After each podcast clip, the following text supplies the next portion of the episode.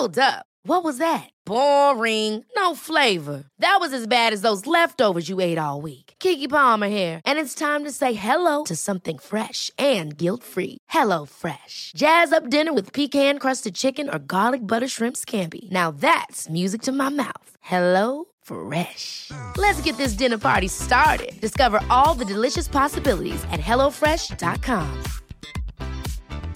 Hiring for your small business? If you're not looking for professionals on LinkedIn, you're looking in the wrong place. That's like looking for your car keys in a fish tank. LinkedIn helps you hire professionals you can't find anywhere else, even those who aren't actively searching for a new job but might be open to the perfect role. In a given month, over 70% of LinkedIn users don't even visit other leading job sites. So start looking in the right place. With LinkedIn, you can hire professionals like a professional. Post your free job on linkedin.com slash achieve today. Millions of people have lost weight with personalized plans from Noom, like Evan, who can't stand salads and still lost 50 pounds. Salads, generally, for most people, are the easy button, right? For me, that wasn't an option. I never really was a salad guy. That's just not who I am. But Noom worked for me. Get your personalized plan today at Noom.com. Real Noom user compensated to provide their story. In four weeks, the typical Noom user can expect to lose one to two pounds per week. Individual results may vary. Nu till ett eh, ännu hetare kan man väl säga. Det handlar om kungen, hovet och Victoria. En vanlig Yes. kille får inte gifta sig med Victoria. Okej? Jag tror att detta är mer eller mindre ett Stockholmsproblem. Jag tror, att, jag, jag tror inte en göteborgare är intresserad. Vi har en kung, han heter Torbjörn Nilsson. Och hans barn, hans barn får gifta sig med vem han Men vad vill. säger ni? En sista fråga här nu innan.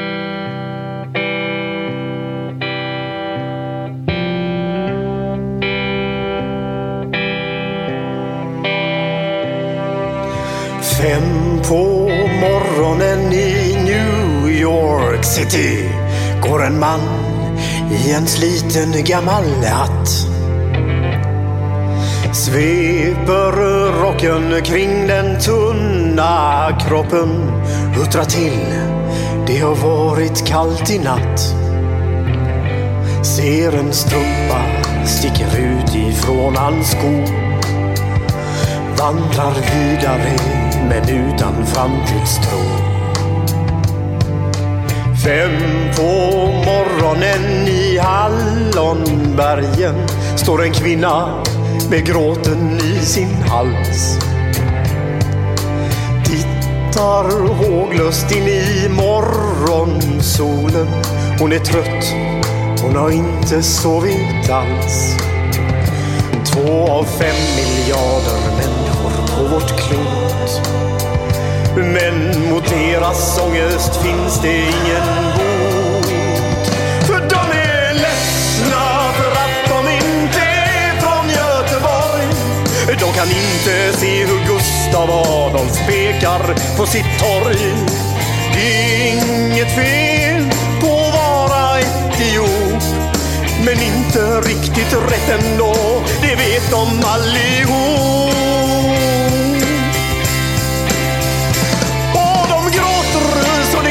Det när de får en inre syn av hur vi som är från Götet tar en öl på Avenyn.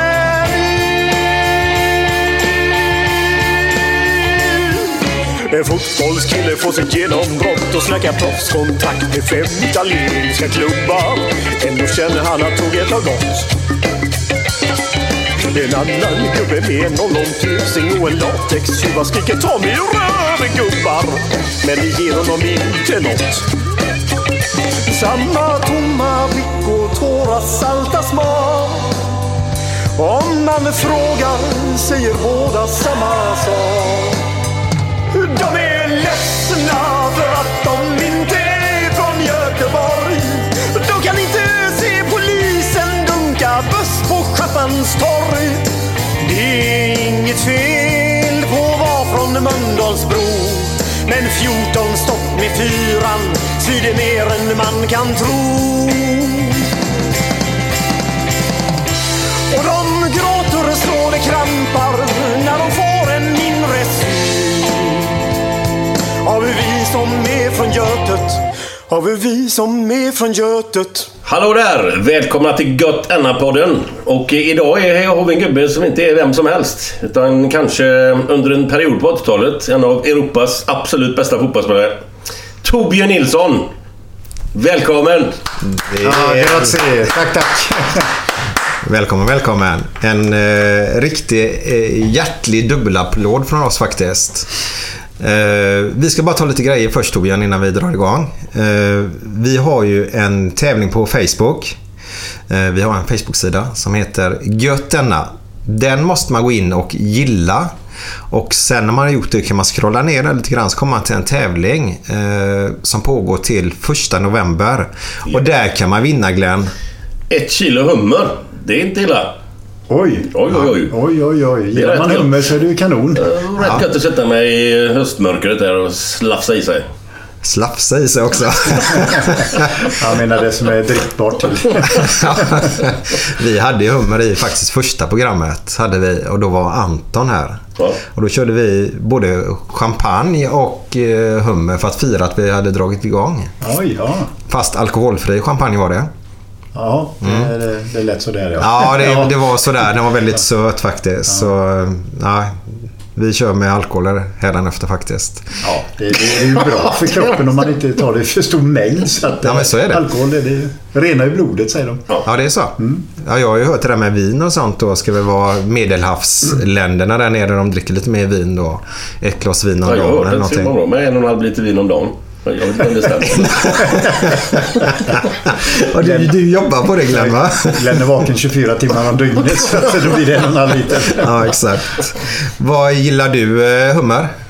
Eh, hummer, jag gillar eh, räkor men inte kräftor och, hummer nej. Okej, kommer nej, det? men eh, det, det är säkert bra och gott. Men jag, eh, Hur jag kommer, väljer hur kommer det sig då? För det, det smakar inte så väldigt olika, eller gör det? Nej, det gör det inte. Jag, jag vet inte. Jag, jag tycker det är så synd om de jävla humrarna när de lägger ner dem i kokande vatten. Det är därför Ja, du äter dem. Så det är mindre synd om räkorna alltså? Ja, men de är så många. Okej. Ja, det är konstigt förhållande man har till djur ibland. Ja, men det är det faktiskt. Eh, Men så är det ofta söta djur tycker man mer synd om än fula djur. Ja, och nu, nu är det ju älgjaktstider också. Man tycker synd om när de skjuter älgar men eh, att vi har eh, nere i Gamlestan där slaktar grisar och kor och sånt där. Det, det, vill man inte ens tänka på men det gör vi ju. Så att, eh, Ja. Man frågar vilken död som är bäst ibland. Mm. Det kanske är bäst att åka ner i ett kokande vatten så är det slut på en halv sekund. Ja. Ja, det, det, det blir en djup fråga där faktiskt. Ja, ja. De, är, de, de lever ju på djupt vatten också, räkorna. Att, Men Glenn, vi ska sätta nivån direkt här nu på den här podden. ja. Du, du hade en liten ordvits här till Torbjörn. Eh, ja, jag hörde en, en rätt kul häromdagen eh, faktiskt. Här. Vilket folkslag pissar mest i Australien? Den kan du tror jag. För du är så pass smart. Nej, ja, jag är smart men inte på, på gåtor. Nej, men det är urinvånarna. Urinvånarna. Urinavård. Urin.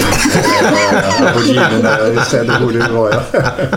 Så nu har vi sett nivån idag. Ja, det är jättebra. Ja, jag- jag hörde en väldigt rolig historia häromdagen om vi ska sätta Ja, nivån. kör. Det är... Och det- den är sann den där. Eh, Det, det var en arbetare på en stor bilfabrik här i Göteborg som eh, mådde jättedåligt och högste chefen på den tiden kom förbi och såg och han berättade då för chefen att han mådde dåligt och då sa han så här, gör så här och, och, och köp en flaska champagne och hem till frun och så älska hela natten så lovar jag att det blir bättre. Nästa dag, den här mannen överlycklig och chefen ser honom och går fram till dem och, och han tackar då för det här tipset. Underbart, sa. Jag mår fruktansvärt bra nu igen, sa han. Jaha, vad roligt, sa han. Men du, sa han, vilket fint hus du har.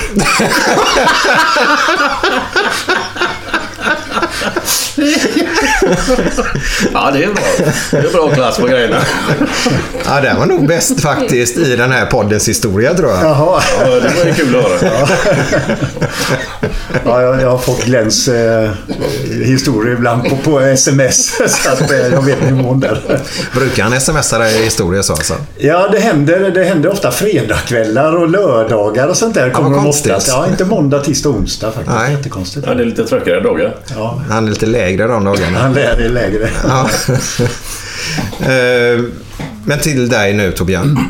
Vi hörde ju ett inslag här innan musiken. Eh, om att eh, kungens barn uppe i Stockholm inte fick gifta sig med vem som helst och detta då. Och det lyftes en fin herre. Det var ett debattprogram tror jag va? Det var, det var nog debatt. Debatt. Jag, jag tror det var, var det inte Janne Josefsson som snackade? Jo, jo, det var Jenny Josefsson. Ja. Det var Eddie Bengtssons pappa. Okej. Ja. eh, ja. Ja, Han förklarar ju bara läget. Så här är det. Ja. Och han har ju så jävla rätt i det tycker vi alla göteborgare faktiskt. Tycker du det är jobbigt att höra såna här grejer? Eh, jag har lite torgskräck sådär ibland. Okej. Jag, jag, ja, jag, vill, jag, jag är sådär, jag vill vara lugn. Ja. Det, ska, det ska inte vara för stora grejer runt omkring mig, helst. Nej. Har du svårt att ta beröm? Eh, ja, eh, då, då ska jag alltid hitta varför det gick bra. Ah, att, eh, en orsak till det då? En orsak till det, ja. Inte bara att du är bra utan en orsak till att vi just lyckades då? Just det. Jag vet inte vad det beror på. Om det kan bero på barndomen, att man är uppväxt i Jonsered. Det var det lite så här, du ska inte tro att du är någonting. Mm. För det, det, där började min karriär och det gick eh, ganska bra. Där gjorde mycket mål. Men vi hade alltid några som var lite äldre som satte en på plats. Jaha, okej. Och det är bra eller dåligt vet jag faktiskt inte om det är så. Men lite bruksmentalitet är det. Ja, Faktiskt. Men stämmer det att... Eh, att eh, jag, alltså jag har hört så mycket olika varianter om det här. Men att medaljer och sånt där, det har du uppe som du har, som du har fått. Guldbollar och grejer. Eller har du, har du, ställt, har du det i något skåp eller ligger det i någon låda eller kartong eller hur är det? Ja, några grejer står faktiskt uppe. Guldbollen står uppe. Eh, fast jag vet inte var riktigt. Men det har, det har inte alltid gjort det eller? Nej, alla tavlor jag har fått dem är på vinden. Ja. Eh, och alla sådana här um, SM-vinsten och allting sånt där. Det ligger i en eh, kartong på vinden. Är det någon speciell anledning eller är det bara det att... Vad fan ska det sitta uppe för? Eller varför? Ja, det, det var för att jag ville inte att mina barn skulle se det. De ska inte leva och kunna se det här. Och... Du är rädd att de skulle få, få, få ett eh, vad heter Tryck- det? tryck. tryck på sig då att jag ska också lyckas som pappa ungefär då eller? Ja, jag vet inte faktiskt. Nej. Jag, jag, jag ville att det skulle vara ett normalt hem så som jag levde. Jag, jag kommer ihåg med min mamma och pappa. De, eh, de hade, nu pappa han var ganska duktig i bandy. Spelade väl i, under elitserien där ett tag. Eh, Men det fanns, fanns inga kort, fanns ingenting om det. Man, man var tvungen att leta reda på det. Jag kommer ihåg att det fanns en, en låda som man drog ut och där fanns det en massa kort och där fanns det lite små tidningsklipp. Och det tyckte jag var väldigt spännande. Var själv att åka dit eller leta där och Ja. titta på de här korten och läsa de här sakerna. Så stod lite om pappa där. Och så blir du lite stolt över pappa då eller? Ja, att han eh, inte brydde sig om det. Det, det, tyckte, det blev jag imponerad av. Att han, eh, han ville inte att... Eller han kanske inte ville. För på den tiden var det inte det så som det är idag med... Det blir så stort allting idag när du har vunnit SM-guld. Ja, det var det ju inte på den tiden. Nej. Så att det kommer nog därifrån. Men dina barn då? Du har två pojkar är det va? Tre pojkar. Tre pojkar, ja. Vad- De är också gamla idrotts... Eller gamla. De är också idrottskillar. Ja. Hur... För någon, de spelar Jonsered nu eller? Eller hur ser det ut? Eh, en spelar Jonsered. Han spelade ju Kiken förut och i Dalkurd förut. Ja. att, ehm, Är det Peter det? Det är Peter ja. Sen har vi Anton då, som spelar med Häckens U19. Eh, och han är 19 år så han har väl lite tankar om att, lyckas. Då. Mm. Men jag, jag har ju ungefär samma problem som Glenn har. Han har ju en massa pojkar då, som, som, eh, som spelar fotboll. Jag vet inte hur Problem. Glenn har förhållit Nej, men med samma hur man ska förhålla sig till Ja, det. Nu, ja. nu Tobias eh, han är ju eh, motsatsen till Glenn då. Han är anfallsspelare. Och, Mm. och, så att, ja. Men har, har du hört genom Peter exempelvis då? Kanske Tristan eller Anton också kanske då att de har fått gliringar eller sådär för att du inte... De kan inte säga att du har varit dålig, det är det jag menar. Men Nej. att, att det är farsan liksom, att de jämför eller sådär eller? Ja, jag, jag vet att en, den äldste fick höra att ja, han är inte som sin pappa. Det är väldigt lätt att höra så här. Det finns ju alltid många människor som tänker eh, först efter de har pratat. Ja. Som, eh, ja, Var det föräldrar då till andra eller? ja, det kunde vara allt möjligt. Ja, det var så. Ja, jag vet inte riktigt men eh, har, han har säkert fått höra det. Men jag tror eh, Anton eh, som är yngst då, han, han har nog klarat det, det här bäst. Han, han skiter i totalt i det. Ja, Okej. Han är tuff också, jäkligt tuff alltså. Ja. Jag, eh, Vi pratar psykiskt nu. Psykiskt eller? ja. Han är hård kille fast man kan uppleva honom som väldigt mjuk. Ja. Och, det, varför han har blivit det, det vet jag inte om det har med uppfostran att göra. Eller om han har var det fått... mer han tuff på plan eller? Ja, han tar för sig. Han är, Det är lite Zlatan. Blir det frispark, den tar jag. Ja, okej. Ja. Även fast han kommer till Häckens U19 och inte har varit där då. Sen Ja, okej. Kanske tränaren som har eh, sagt till honom du, eh, han har bra skott. Jag hade ju Ja. inget bra skott så jag var inte ens närheten att få slå frispark. Nej. Kan inte vara bra på allt. Nej, det. Men, eh, men, Nej, men det, det är väl en bra egenskap. Sen vad som har sagts i omklädningsrummet innan av tränaren, det vet man ju inte. nej. Men det, det är väl bra om man tar för sig. För idag ser ju fotbollen annorlunda ut mot den gjorde när ni växte upp. Idag, tyvärr, måste man ju ta för sig på ett annat sätt kan jag tänka mig. Eh, Hur, hur, såg det ut på din tid, Torbjörn? Eh, Jag tror att jag växte upp ungefär samtidigt som eh, med, med samma mentalitet som Glenn då. Att, med, att klubb, laget var viktigare än, än jaget. Då. Mm. Eh, Och då, då, vad- kan jag hjälpa eller vad kan jag göra för klubben? Medan nu är det kanske mer vad kan klubben göra för mig? Ja, exakt. Och det är ganska många spelare som flyttar. Så fort ett lag åkt ur en serie så hittar de en annan, ett annat lag. Så man, är, man är inte klubben trogen. Och konsekvenser av det, det, det ser man i alla fall runt Göteborg. Det är att ledare som finns i de här klubbarna, de tröttnar ju. De här som ska försöka få det här att gå runt. Att ungdomar har någonting att göra. Och det tror jag inte en del ungdomar tänker på. Nej. Dessutom börjar de spela kanske på matchen också. Och det, det kanske ledare inte är speciellt glada i att eh, försöka skapa ett lag som eh, ska försöka vinna och så lägger man sig för att man ska tjäna lite pengar. Det, Ja, det är nog fan, utan att ha någon eh, statistik eller facit på det, men det är nog fan mer vanligt än vad man tror. Alltså, jag har fan inte tänkt på det, men Nej. när det kommer upp grejer nu med olika saker så blir man ju...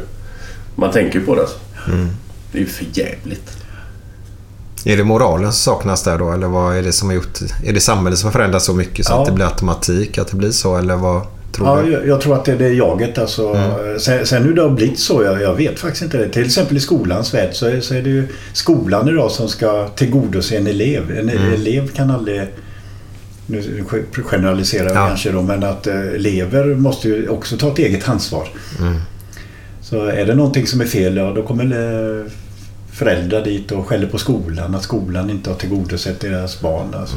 Jag såg... På Det- min tid så, så var man dålig i skolan. Ja, då hamnade du i obsklass med en stentuff lärare. Ja, jag har varit där. Ja, ja. Jo, men det, det, vi har ju snackat om detta i många poddar vi har haft med olika personer. Att, att det här var, var, hur det ser ut som det gör bland ungdomar och skolor och grejer. Att det är mycket skit med mobbing och jävelskap och elever som inte liksom är motiverade eller inte bryr sig eller nonchalanta som fan. Att det, det börjar ju med föräldrar alltså. ja. Man måste ju få en bra uppfostran liksom och vad som är rätt och fel. Nu är vi inne på det igen liksom. Ja. Men det kommer ju aldrig därifrån. Det är ju där det börjar. alltså. Ja. Man måste ju få in i huvudet att så här gör du inte, så här gör du. Nej. Jag kommer ihåg när jag var i lumpen. Vi fick ju för fan fritt, jag och Tommy Holmgren då. För att vara med och träna med Blåvitt på eftermiddagarna. Och då fick vi, då åkte vi ut dit på Källsö. Så var vi där mellan halv sju och halv elva. För båten gick, nästa båt gick halv fyra. Så vi var där på förmiddagen bara. De var ju görschyssta mot oss. Och när jag är där då, när jag väl är där. Så ger jag ju tusen procent naturligtvis för att visa tack så mycket för att ni ställer upp på mig. Ja. Och då ställer jag upp tillbaka naturligtvis. Men det där, vet fan vad det har tagit vägen någonstans. Nej, empatiförmågan eh, har, har, tycker jag har blivit sämre. Utan att man kan göra någon forskning kring det. Då, men eh, jag, jag tror att empatiförmågan eh, det gör att du förstår konsekvenser. Gör jag så här så blir, så blir det så för dig. Det tror jag har blivit sämre. Och jag läste en, en professor, eh, eh, vad han nu hette, eh, för ett halvår sedan i GP. Han, han tyckte att det skulle införas eh, ett nytt ämne i skolan som heter emotik. Okej. Att barn skulle lära sig förstå sina känslor och förstå andras känslor. Och, och det har jag skrivit om i, i min bok som heter Förstå spelets idé. Att de som har bra spelförståelse de listar ofta ut hur, hur motståndare och medspelare tänker. Och så agerar man utifrån det. Som Glenn, han, han, han var ju... Han, han stod ju alltid rätt i försvarsspel. Han läs, läste alltid vad motståndarnas anfallsspelare tänkte. Det- Hade jag hamnat där så hade jag inte förstått det. Då, så att jag, hade ju bra för, spelförståelse i det kreativa och skapa medan Glenn hade då mera i att förstå hur andra tänker. Spännande. För idag i skolan är ju... Varför, var- varför finns det syslöjd för? Det var ingen som syr sina kläder idag. Eller träs, ja, träslöjd. Men Nej. det finns ju ämnen som har varit med sedan urminnes tider som man egentligen borde kunna ta väck och ta in privatekonomi och lägga en budget och lite sådana grejer. Då. Och det som du pratar om här nu då. Så skolan måste utvecklas också, känns det Ja, oh ja, oh ja. Men då, då kom det alltid, det finns alltid människor som är byråkrater. Mm. Eh, och de är ofta fyrkantiga, tyvärr. och då kommer de in direkt. Och det kanske är rätt att de går in och säger så här. Men det är inte lärarna. Hur ska de hantera känslor? Mm. De, inte ett, ett, de har ingen utbildning på att ha- hantera känslor. De har väl startat en utbildning så att de kan lära vidare. Ja, det, det tycker jag att eh, är det en bra grej för eleverna, ja då får man ju lösa den problematiken. Då får man ju se det på sikt. Man kan inte stoppa någonting som är bra för eleverna bara för att det, det blir ett problem någonstans. Nej, men det är ju de här fyrkantiga då. Du pratar korta, tjocka gubbar nu eller? Ja, i, huvudet. Ja. Jag såg en liten rolig bild på, ja, det var väl något sån där Facebook eller någonting. Det var det just då att, jag tror det var en bild från 70-talet, det var tecknat var det. Där eh, lilla Pelle är sex år, eller sju år, eller sju år, går i sjuan då och får betyg. Eh, och så är det ju dåligt betyg naturligtvis. Då, då skäller ju föräldrarna på honom. Och sen så är en bild nu då. Så när han har fått dåligt betyg så går ju han och föräldrarna till lärarinnan till skolan och skäller på henne Ja, för att han har fått dåliga Ja, betyg. då. det. Ja. Så det kan ju sammanfatta ganska mycket över hur det ser ut idag. Då. Ja, ja det, det, det är nog en problematik. Och, och det är ju Skolverket som har satt att eh, man, att man ska tillgodose allas behov. Och det, det kanske är bra då, men eh, det finns en rimlig nivå på det tycker jag. Ja, så är det. Men du, ehm, jag är inte hundra på det här, men jag får med du har sagt det någon gång i alla fall att vi pratar med de flesta de som är med här i podden liksom, och vad de gjorde när de växte upp. Och jag menar, du har ju spelat fotboll, det vet ju alla. Men vad har du hållit på med någon annan sport? Samtidigt liksom i början där. Ja, ja friidrott, eh, handboll och hockey. Så jag har på med fyra idrotter. För jag, har för mig att du sa någon gång att anledningen till att du slutade med hockey var att du, det var en jävla idiot som tränare. Ja, Stämmer det? ja det stämmer. ja, det, så att eh, jag har ju en negativ inställning till hockey generellt sett. Så. Jag gillar ju hockey. Jag eh, gillar ju ett lag i, tyvärr inte i den här staden då, men det är på grund av Sven Tumpas fel. Men skulle jag varit, skulle jag varit eh, chef på, på Volvo till exempel och skulle bestämma över hur pengarna skulle fördelas i sponsring till olika lag så hade ju kanske fotbollen kommit före hockeyn. Alltså. Mm. På grund av min uppväxt. Ja, okej, men Du menar att det är på grund av den tränaren som du hade alltså? Ja, alltså du, du, det sitter ju som en Ja, jag där inne i hockeyn. Nej, det är så. Kan du berätta vad som hände? Ja, alltså jag gick till ett lag som heter Bratt och Kärr efter att ha spelat kvartershockey bara. Och så jag märkte direkt att den här ledaren, han gillade inte mig. Och det, det märker ju genom att du, han tittar aldrig i ögonen.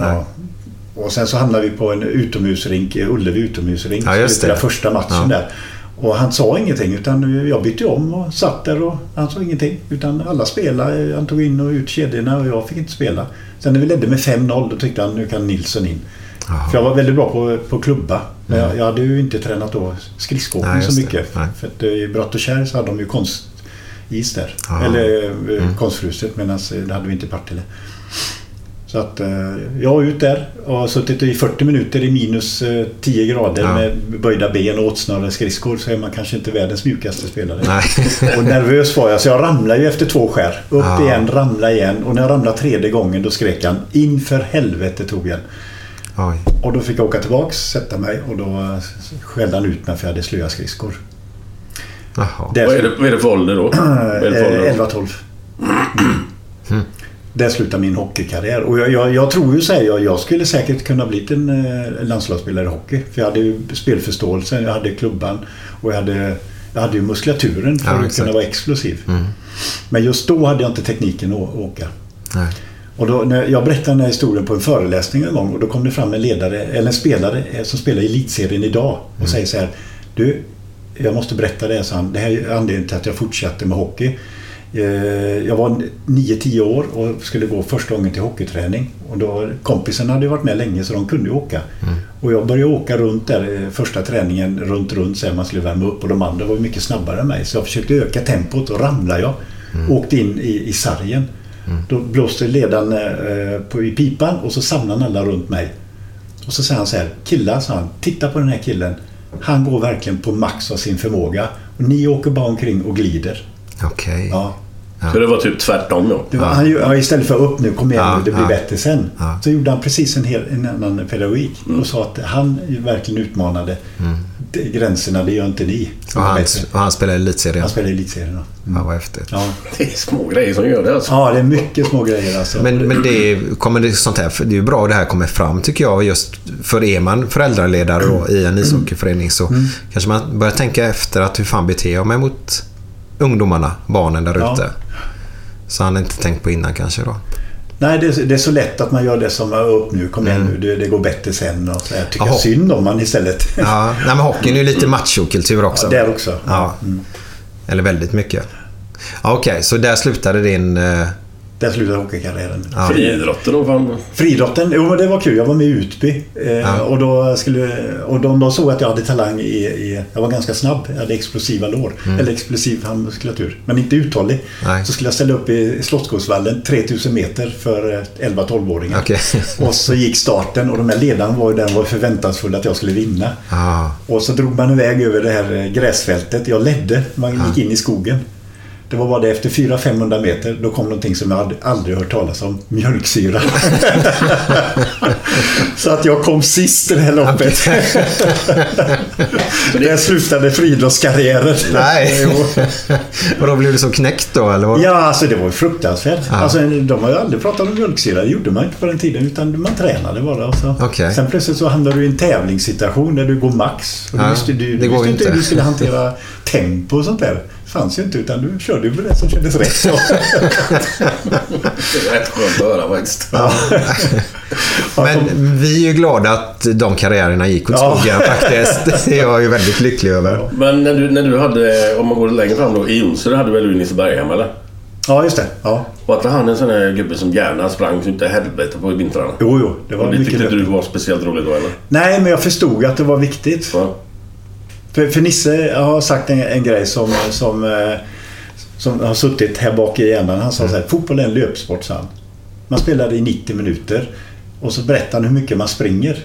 Man går, man springer, mellanspringer, full fart. Och av dem så har du kanske bollen 15 sekunder. Och då förstår ni att löpningen är viktig. Ja. För ju, mer, ju bättre tränad du är i löpning, ju bättre teknik har du när, när du är trött. Ja, exakt. Ja, jag, jag har tänkt på det i slutet på matcher där när mjölksyran börjar sätta igång då. Eh, Gör man så, du som är tränare på hög nivå, gör man så att man kör till exempel en eh, mjölksyreövning och sen övar på avslut om man säger. Just för att få in det där att hur kroppen beter sig när mjölksyran sätter igång. Som den gör i typ 85-90 minuten där. Eh, Är det någonting man övar på? Det, det är väldigt kreativt när du säger det, att så ska man göra. Ja. För så är det på match. Ja. Det, det vanliga är ju att man säger att du ska öva in tekniken när, nu, när du är, så du övar in rätt teknik. Mm. Och jag tycker det är skitsnack tycker jag. Okej. Jaha, jag tycker precis så som man ska göra som du säger. Oj. Jag kommer ihåg Nisse Bergam. Vi, vi sprang en mil. Sen gick vi ut och spelade match två gånger 30 minuter mot, Mm. Mot B-laget.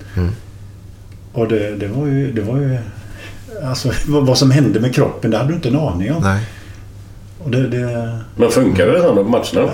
Alltså, jag menar efterhand liksom. Det, det, så den här träningen gav resultat eller? Ja, ja, vi vann ju tre, två serier. I, Mm. Vi gjorde... Vi, vi var på väg att gå upp i Superettan då, som det hette Mm. på den tiden. Då. Jag kommer ihåg Nisse Berga, han var väldigt speciell. Efter en match då så hade vi vunnit med 8-0 mot något division 4-gäng. Mm. Och vi spelade division 3 då. Och då tyckte han så här, så han så här, killar, ni har sprungit för lite idag. Så vi fick gå ner i Åbranten hette det. Okej. Precis nedanför grusplanen i Jonse så, så är det Ja. en brant där som är 30-40 meter lång. Där fick vi springa upp och ner efter matchen. För vi hade, vi hade vunnit för enkelt sa. Ja, men jag älskar detta. Jo, men alltså, det var ingen som opponerade sig. Ni bara köpte det liksom. Ja, ja, ja. Det, var ingen som eh, liksom, protesterade eller sådär. Utan det var bara att köra. Inte det minsta. Det var Nej, bara men, att köra. ja. Och så trodde ni väl på honom också? Ja. ja. För det är viktigt att man köper tränarens filosofi. Ja. Måste det vara som spelare. Men låt säga att det gått åt helvete då.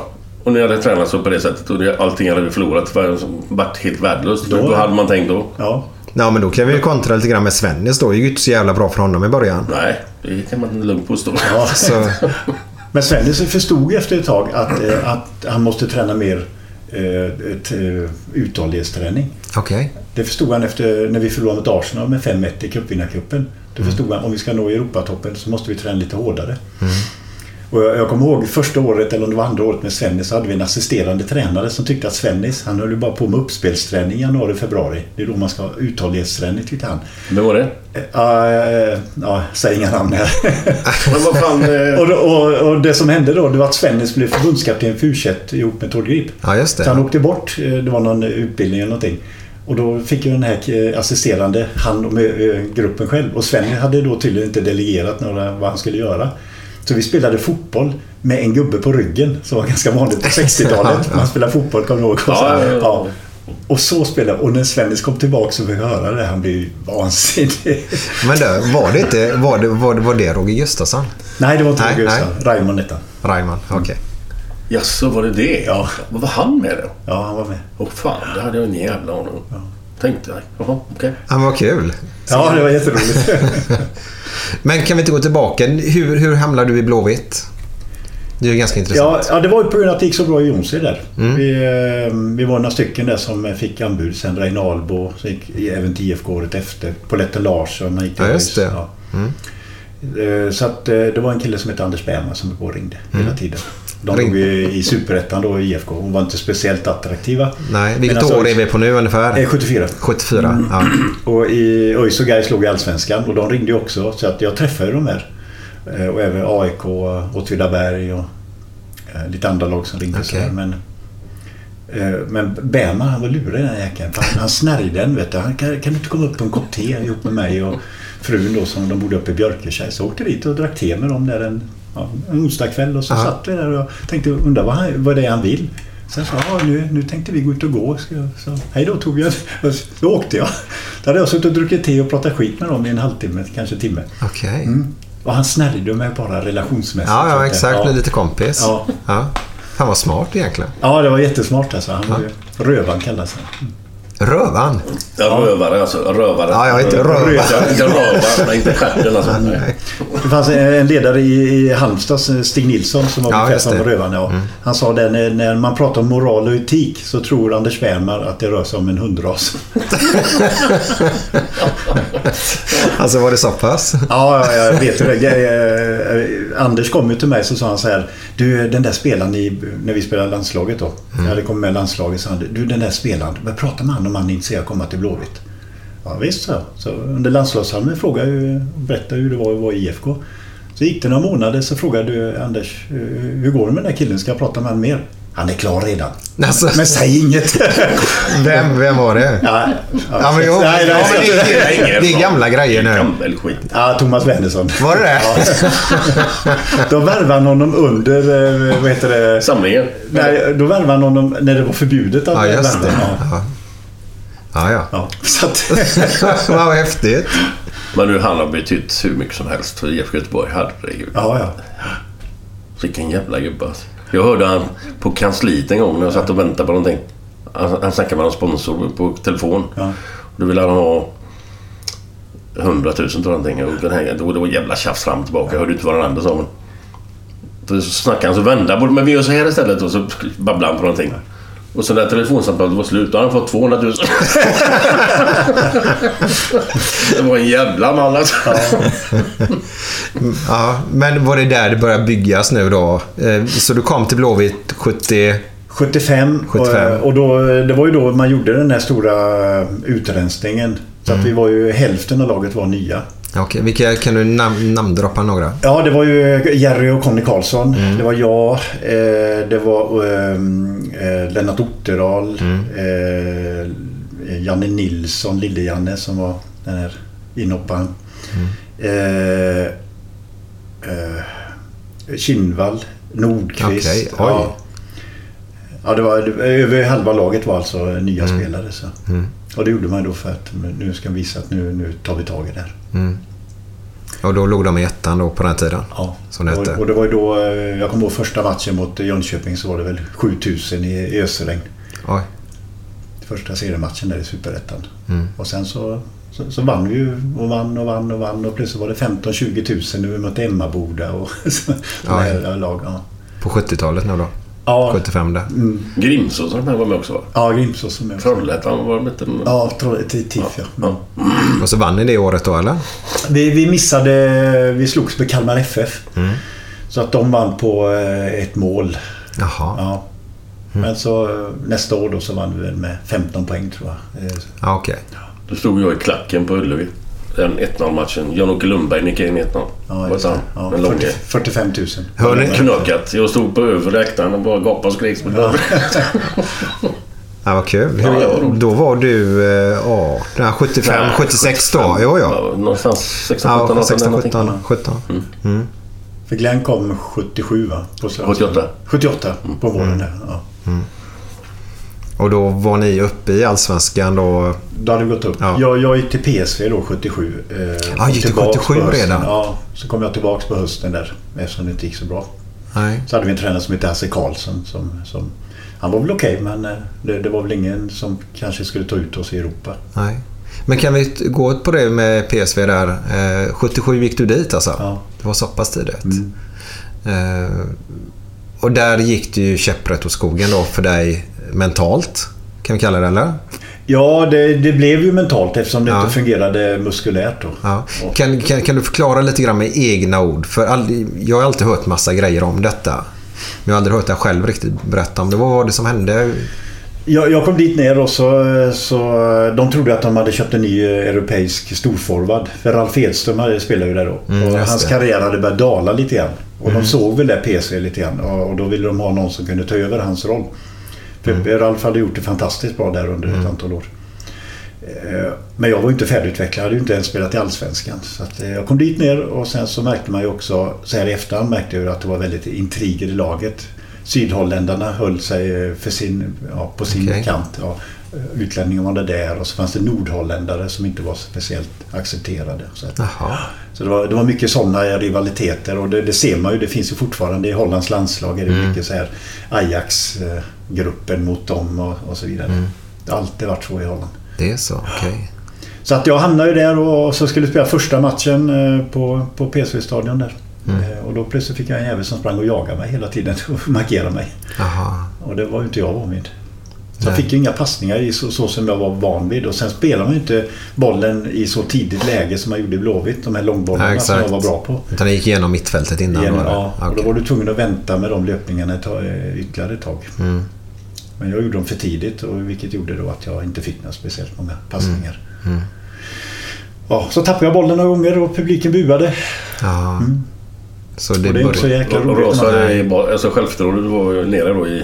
Ja, precis. Jag vill inte ha bollen. Efter bara någon match då eller? eller bara, Ja, det, var, det blev ju bara värre och värre under matchen. För jag tappade den ett antal gånger då. Jag var inte van vid det här. För jag började fundera mer på vad, vad motståndaren skulle göra än vad jag själv skulle göra. Ja, då tappade jag tempo. Och, Så att, eh, det, Och det så var anledningen. Så började jag höra lite visselgrejer från publiken sa du också? Ja, sen blev jag skadad efter första matchen. Eh, Jag trampade snett på en träning så jag hamnade utanför. Jag var inte med på två veckor. Och sen när jag kom tillbaka så, så hamnade jag på bänken och så, så, så blev jag kvar där också. Mhm. Så jag gjorde två mål. gjorde jag väl på PSV-äventyret där på nio månader. Var det nio månader? Mm. Jag har sett en eh, intervju där. När du går på Ja. gågatan där. Ja. I Eindhoven. Ja, När du snackar om att eh, jag har det jättebra. Jag sitter på bänken och trivs jättebra och slipper spela. Ja. Liksom, typ. Ja. Och som en skolpojke liksom med nedböjt huvud. Liksom. Så man tänker, det är inte han. Nej. Det är inte den gubben. Alltså, Nej. vad fan har hänt här?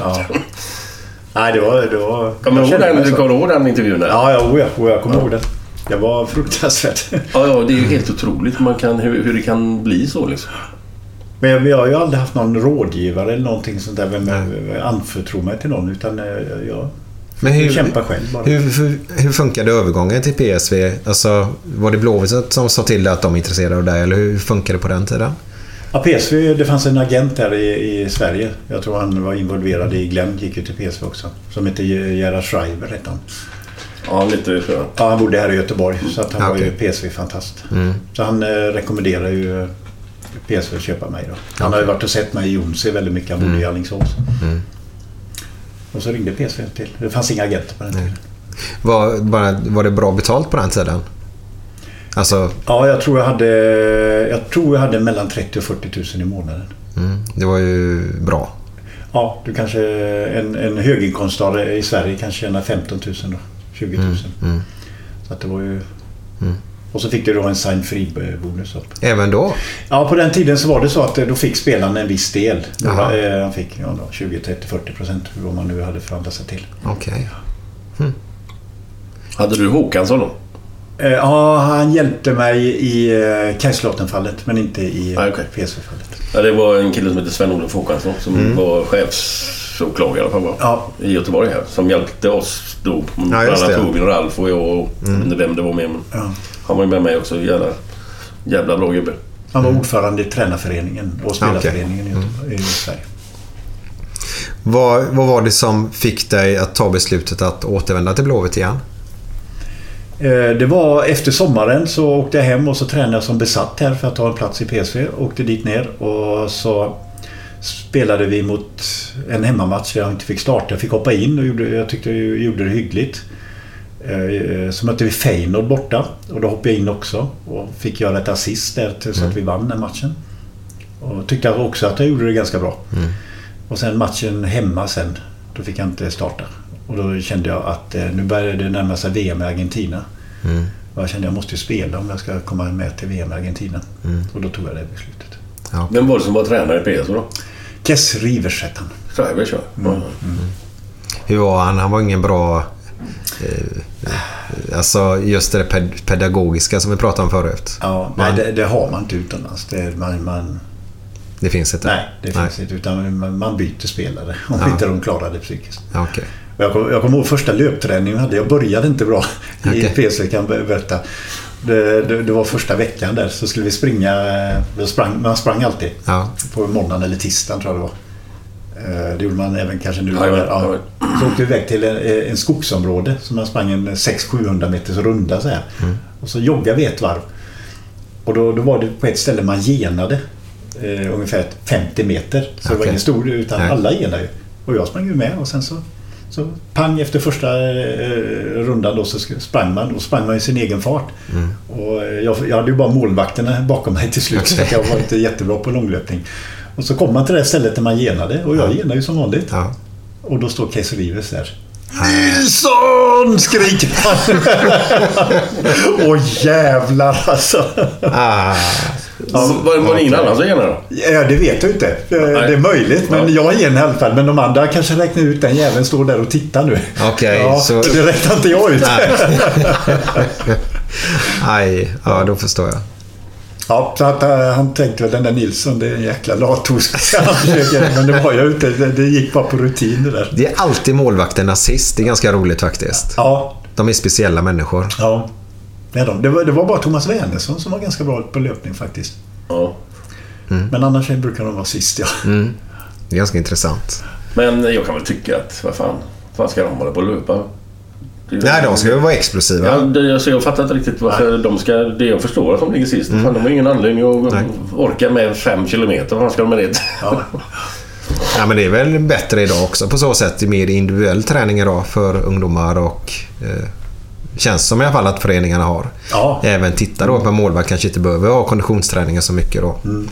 Men man kan ju fråga vad som förbränner bä- bäst fett då. För att eh, det, det finns målvakter, säger jag i historien, som har haft eh, lite för mycket överhudsfett. Ja, ja, ja. Eller underhudsfett. mycket. Ja. Ja. Eh, Och då, då kanske räcker det att slänga sig 30 gånger åt sidorna som uthållighet. Nej. Nej, nej, men jag menar inte att de ska inte orka någonting. Liksom. Nej men de, att att är ju småtjocka jag. Glenn. Ja. De är ju småtjocka alla målvakter. Ja. Om vi tar väck Premier League och alla de största nu då. Gärna är de småtjocka också. Men eh, då var du i alla fall eh, färdig och du vill komma till landslaget i, till Argentina sa du? Ja, just det. Så jag flyttade hem till Blåvitt eh, och så sp- spelade jag där och vi hade Hasse Karlsson och det gick väl sådär. Vi var ju ganska många landslagsspelare i Blåvitt då. Mm. Björn Nordqvist och Kinnvall och Nordin och, Mm. och... Så det var ganska bra lag. Men vi, vi blev väl fyra, femma, sexa där i Allsvenskan. Och, ja, jag spelade väl hyggligt. Ralf var också med lite grann. Mm.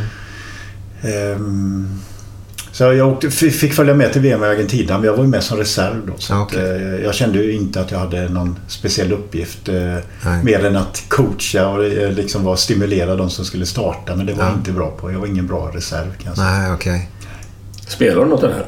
Ja, så, så, så var vi där och spelade och tränade och Och sen plötsligt sista matchen, vi skulle möta Spanien. Mm. Det- Det var 1-1 mot Brasilien. Mm, Förlorade mot Österrike med 1-0. Mm. Då var vi tvungna att slå Spanien sista matchen. Mm. Då plötsligt bytte han en 3-4 spelare, Robby Eriksson. Så jag skulle starta matchen. För jag hade, det hade gått väldigt bra för mig på träningen. Ja. Alla tyckte att jag borde spela. Eh, Men plötsligt match då. Det var ju något helt annat än att springa på träningen och spela. Mm. Så att det var väl lite chock. Det var nog för allihop. Och jag, jag tror Olle Nordin, Benny Wendt skulle starta också. Så att han bytte ganska många spelare. Och vi hade inte spelat då, några av oss. Vi hade inte spelat på en månad, en tävlingsmatch. Så det, det var någonting som tror jag Tommy Svensson lärde sig mycket av. Det här att eh, kommer du dit så måste du ha jämn belastning på alla spelare och de måste spela eh, Mm. lika mycket ungefär som när, när t- turneringen börjar. Men hur gick det den matchen då? Eh, nej, vi, vi var, var inte med i matchen. Så att det, var, det, det var en svag insats från Sverige kan man Ah, säga. okej. Ja. Mm. Så det var inte bara jag som var dålig. Men eh, jag, jag var inte... Jag, jag förstod egentligen inte spelet egentligen. Så. Nej. Ja, jag var individualist och det som hände då 1979 att Sven-Göran Eriksson kom till IFK Göteborg det, det var en befrielse för mig. Mm. Att få en, en eh, uppgift. Mm. Så att eh, jag gillar ju det här med struktur. Ja. Men har, ibland har jag svårt för det. Men för mig var det ju väldigt bra att det kom en tränare som sa så här Ruben, som var högerback, du, du ska spela upp bollen till Torbjörn direkt nu. Mm. Och då tyckte Ruben, nej men varför då? Jag kan ju passa Tord Holmgren eller Strömberg som möter. Nej, du, bollen ska upp till Tor- Torbjörn. Mm. Och det, det var en skön känsla för mig att veta att ja, då, då kunde jag agera utifrån den strukturen. Mm. Så det, det var ett lyft för mig att Sven-Göran Eriksson kom. Men har, du, har du tagit med dig det liksom, när du, i din tränarkarriär? Har du liksom tagit efter vad han har gjort när han kom till Blåvitt och hans filosofi? Liksom, har du... Jag tror det. Jag tror nog för mycket efteråt. Okej. Eh, direkt efter jag blev tränare så tog jag nog för, för mycket av honom. Det var inte jag själv. Nej. Eh, men sen så tror jag att jag har utvecklat i alla fall. Jag, är- jag är dålig i försvarsspel. Ja. Eftersom jag inte kan försvarsspel så är jag ganska dålig i organiserad försvarsspelsträning. Men anfallsträning så vet jag att jag, jag kan bra. Och det försöker jag ha en, en struktur där det finns alternativ. Mm. För, för idag blir fotbollen blivit så att det som Svennis införde 1979 Mm. och Bob Houghton, Roy Hodgson. Det går inte idag för idag står det ju mittfältspelare precis där och stänger den ytan. Om man ska kunna spela upp till forwarden i ett första läge. Mm. Eh, Och då, då måste man hitta ett alternativ då. Och det blir ju att man får spela lite kortare passningar i, tills man, eh, det läget kommer. Men tror du det skulle funka idag med typ hög press och understöd och grejer? Och...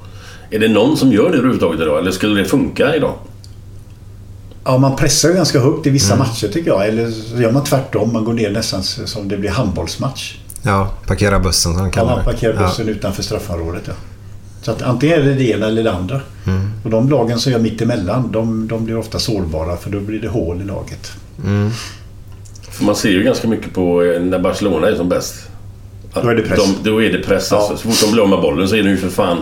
Ja, De är som iglar ju. Man tror ju inte det kanske, men så är det. ja. Ja, Man kan bara tycka att det är lirar och latchar omkring där, men det gör de ju fan inte. Alltså. Nej. De sliter som djur alltså. Ja, de ska Får ta väl... tillbaka den. Ja, de ska väl så snabbt som möjligt ta Ja. tillbaka bollen då. Det är väl deras filosofi. Det, det, jag, det jag kan tycka med, med svensk fotboll det är att eh, vi, vi är väldigt bra på det här att eh, organisera laget. Eh, Och det att hela laget ska vara på försvarssida och alla ska jobba. Och, och det, det, det, det är bra på ett sätt men det som är negativt med det, är att eh, backlinjen sätts inte för, på prov. Nej. Eh, Om du tittar Real Madrid, när de tappar bollen så är det kanske två spelare som skiter i försvarsspelet. På ett sätt. De, de full, inte full fart tillbaks. Eh, Inte så att de skiter i det, men det är inte full fart tillbaks utan de återhämtar sig. Och så har du sju man som försvarar sig bara i Real Madrid. Och har du en försvarsspelsträning i, i, i Sverige så räcker det ibland. Då tränar du ofta med sju spelare. Så sju spelare borde egentligen kunna försvara bra. För det, det som händer då när de sju vinner bollen det är att du har tre spelare högre upp i banan som gör att du får, det kommer lättare och snabbare till anfall. Men eh, står du med hela laget där nere, ja, då tar du en evighet innan du kommer till anfall. När du vinner bollen. Men så är det. Så jag tycker de här mittbackarna, de har haft det... Jag vet att Glenn kan säkert säga det vissa matcher, så, så var han inte ens trött efter matchen. Nej, nej, nej. Det gällde bara att stå på rätt ställe för att Ja. döda eh, ytor. Ja, och så, hela laget jobbar i ett försvarsspel. Man säger det var från forwards helt enkelt. Att de skulle ju göra ett styrspel hur de ville att Ja. motståndaren skulle spela upp bollen helt Ja. enkelt. Och så ligga rätt sen då. Men det, alltså, det finns ett typexempel, precis exakt det du säger nu. För att Vi hade en kille i, i Liverpool som hette John Barnes. Som var alltså gudomlig fotbollsspelare. Fantastiskt bra. Han var ju outstanding i Liverpool. Han var aldrig nedanför mittlinjen. Nej. Han försvarade aldrig. För då hade de en som hette Steve Nichols som stod bakom där som tog all skit bakåt liksom. Ja. Då kunde han koncentrera sig på det han var bra på och orka göra det på inlägg på inlägg på inlägg till de andra två i mitten där då som öste in mål. Medan i landslaget, då skulle han springa ner till egen huvudflagga. Ja. Och jobba hela vägen hem. Han var ju inte alls lika bra i landslaget som han var i Liverpool. Nej. Det är bara en detalj men så det, jag tror det betyder rätt mycket. Jag, jag hörde någonting om Wayne Gretzky. Att han, han gjorde ju väldigt mycket mål och assist och sånt då. Men det var någon hockeyspelare som sa det att eh, ja, men idag så måste ju alla försvara sig. På den tiden kan, kunde han koncentrera sig på att bara köra sin kraft offensivt om man så säger. Försvarsspelet var inget noga även för honom då utan då var det det offensiva. Därför kunde han göra mer. Idag får ju alla försvara sig i ett hockeylag också då, precis som i fotboll då. Så det är ganska intressant det där vad man lägger krutet på. Jag tror Zlatan sa något sånt också, att han orkar inte med sin kropp hålla på och försvara i 90 minuter också. Det går liksom inte. Alltså mot Holland sist, eh, då tappade vi bollen och vad gör Guidetti? Han springer full fart och jagar en och det kan ju vara bra. Men det står sju eller åtta spelare som kan ta hand om den arbetsuppgiften. Och då jo- jobbar han i full fart. Och så vinner de bollen. Ja, vad har han då? Då har han 180 puls. Och så får han bollen. Ja, det är lätt att göra någonting. Det var det där mjölksyragrejen vi pratade Ja, om förut. Så, ja. så det, Det men men det, det måste ju vara en ledarfråga. Ja, men eh, har du en ledare som säger så här, titta på Guidetti, vad han är en fin förebild. Han eh, jobbar i försvarsspelet. Ja, men det jag menar. Det, är, ja, det är en dålig ledare då tycker det är jag. en dålig ledare. Ja. Ja, precis. Ja. Så Det är det, ungefär som eh, jag överför väldigt mycket till näringsliv. Alltså, kocken eh, springer bara ut och hjälper till i, och lämnar ut maten till gästerna om eh, servitörerna har lite att göra. Eller vä- väldigt mycket att göra. Har de lite att göra så det är klart att kocken inte behöver gå ut. nej. Så att, det finns väldigt mycket likheter. Men nu är det så här Torbjörn, jag har hört... Eh, vi har en programpunkt här i.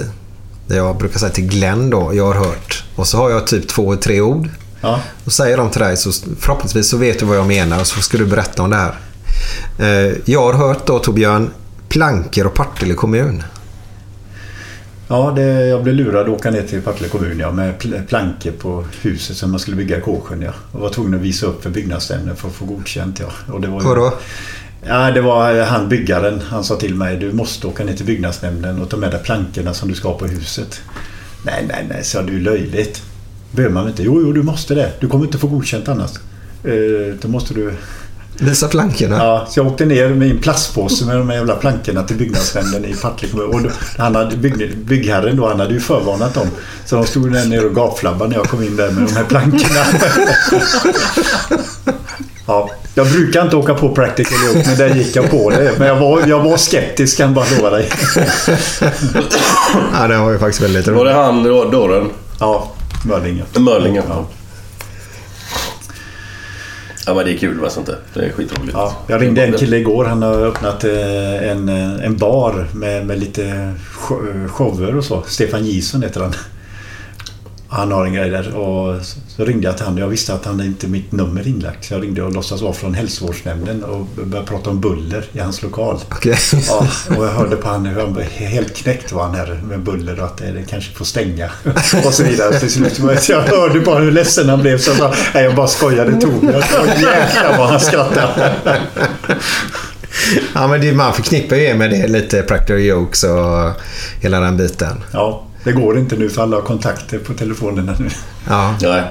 Men var det mycket sånt eh, även i början när Svennis kom? För han kom dit 79 sa du va? Var det så? Ja, det, det, det har alltid varit så. Det alltid varit det. Det tror jag i nästan alla lag. Sånt där. Mm. Men vi, vi, eftersom vi blev så fok- eller det blev som fokus på oss. Ja, det blev det. Så blir det lätt att, eh, Mm. det, att det bara Blåvitt som man gör sånt här. Men det är det inte. Hur upplevde du Svennis när han kom till er? Eh, ung, blyg, eh, engagerad. Mm. Och hur gick det i början? Eh, det var som Glenn sa. Alltså, jag tror att eh, första matchen där på Ullevi så, så spelade vi nå- 2-2 mot Norrköping. Glenn eh, tror jag orsakade två straffar. Nej. Två? Vad fan, en räcker väl? 35 sekunder. Ja. 35 sekunder in på matchen. Ja, Glenn debuterade i laget. Men eh, det var så typiskt Svennis att han, han litar på oss. Han litar på Glenn, han litar på... Fast han gjorde... Det kan ju hända vem som helst. Så vi kände att vi, här har vi en ledare som verkligen vet vad han pratar om. Mm. Så att det, var, det var en revolution för, för IFK Göteborg. Jag tror att hade inte han kommit så hade vi aldrig vunnit Uefa-cupen. Nej, det är så enkelt. Ja. Vad, för jag hörde väl han var på väg att uh, lämna nästan Ja, jag, omgående, alltså, jag vet inte om jag var fel, men jag har för mig att vi satt i en, på en gräslänt på Kamratgården och, och han kom fram och snackade så jag, bla, bla, bla, när det hade gått som sämst då. Mm. Och sa att vill ni att jag ska gå så kan jag dra direkt tillbaka. Liksom. Det stämmer va? Mm. Ja, det stämmer. För jag, känner, jag kommer ihåg det att man satt, vi satt på gräset där. Och, jag, och hade vi sagt ja eller nej då, du kan ja, ha det gött, stick. Mm. Undrar vad som, vad som hade hänt då. Men han hade förmodligen kommit ut ändå. I, Ja, han med med vad, vad som hade hänt med er också. klasstränare. Ja, man vet ju inte. Ingen aning. Men det var två gånger om som han var på väg att, att lämna. Det var först Jaha. 79 när han kom och tog över. Okej. Och då spelade vi väldigt mycket långa bollar. Ja. Och då var, hörde man ju folk på läktarna som skrev skicka hem den där jävla värmlänningen. Okej. Här spelar vi som änglar. Ja. Men var det inte så också i början att han ville att du skulle spela på mittfältet? Var det så? Ja, det var 81. Var det var då, 81? ehm, När det gick 79. åt helvete? Ja, Ja. först fick han nästan sparken på att vi inte spelade som änglar. Mm. Men så räddade sig av eh, att vi vann kuppen där på, eh, i maj. 79 Ja, då vann vi kuppen och så fick vi spela cupvinnarcupen. Mm. Så då, då, då blev han kvar. Och sen 81 så värvade vi ju lite spelare. Wennersson bland annat. Ja. Ja, Sandberg, Stig Fredriksson. Ja. De var ju landslagsspelare plus U-landslagsspelare. Och då började vi med fyra raka förluster. Och det var då vi satt där på gräsmattan. När han sa jag går om ni, om ni inte tror på mig. Och då ville han att jag skulle spela på mitten för han ville att Håkan Sandberg och, och Corneliusson skulle spela där fram. Aha. Men det som hände då det var att eh, Tord Holmgren fick ju ett helvete jämte mig där. För jag, jag var inte så bra i försvarsspelet. Mm. Nej. Nej. Nej. Ja, det var inne i mitt fält då. Jag var inne mitt fält, ja. För Svennis ville att jag skulle komma rättvänd med bollen. Mm.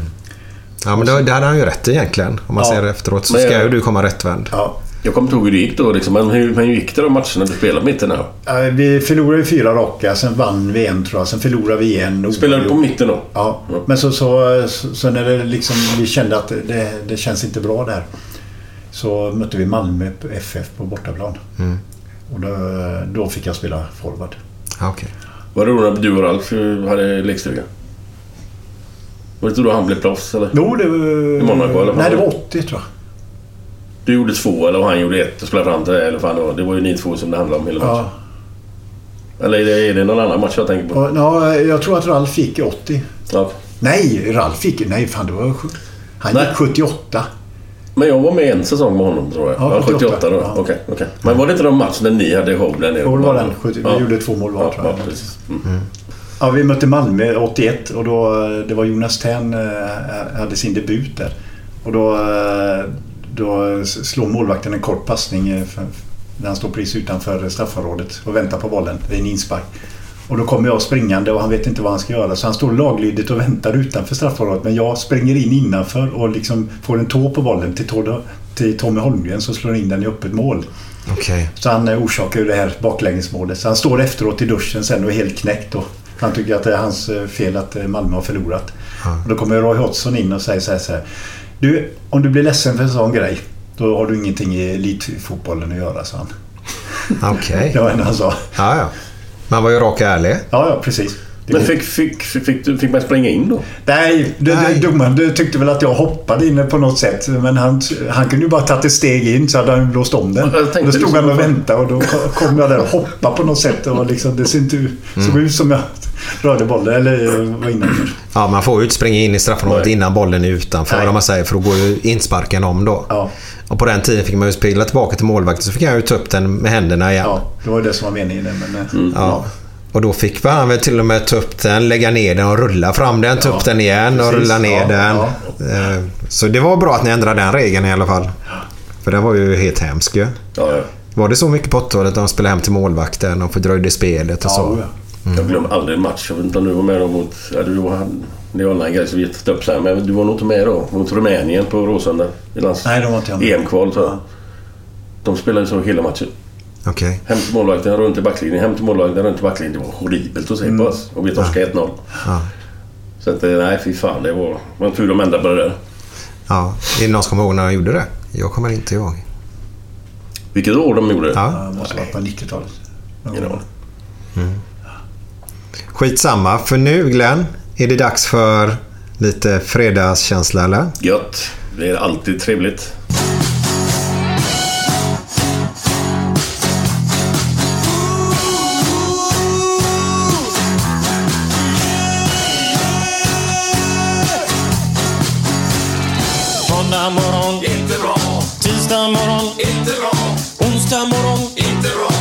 Torsdag morgon, det är inte bra. Fredag morgon, lite bra. Fredag lunch, mycket bra. Fredag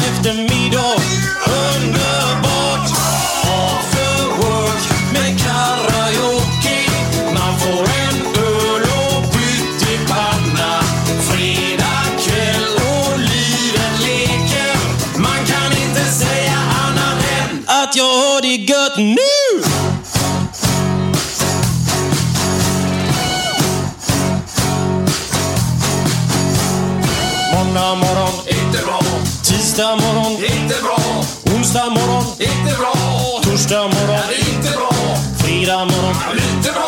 Fredag lunch, mycket bra.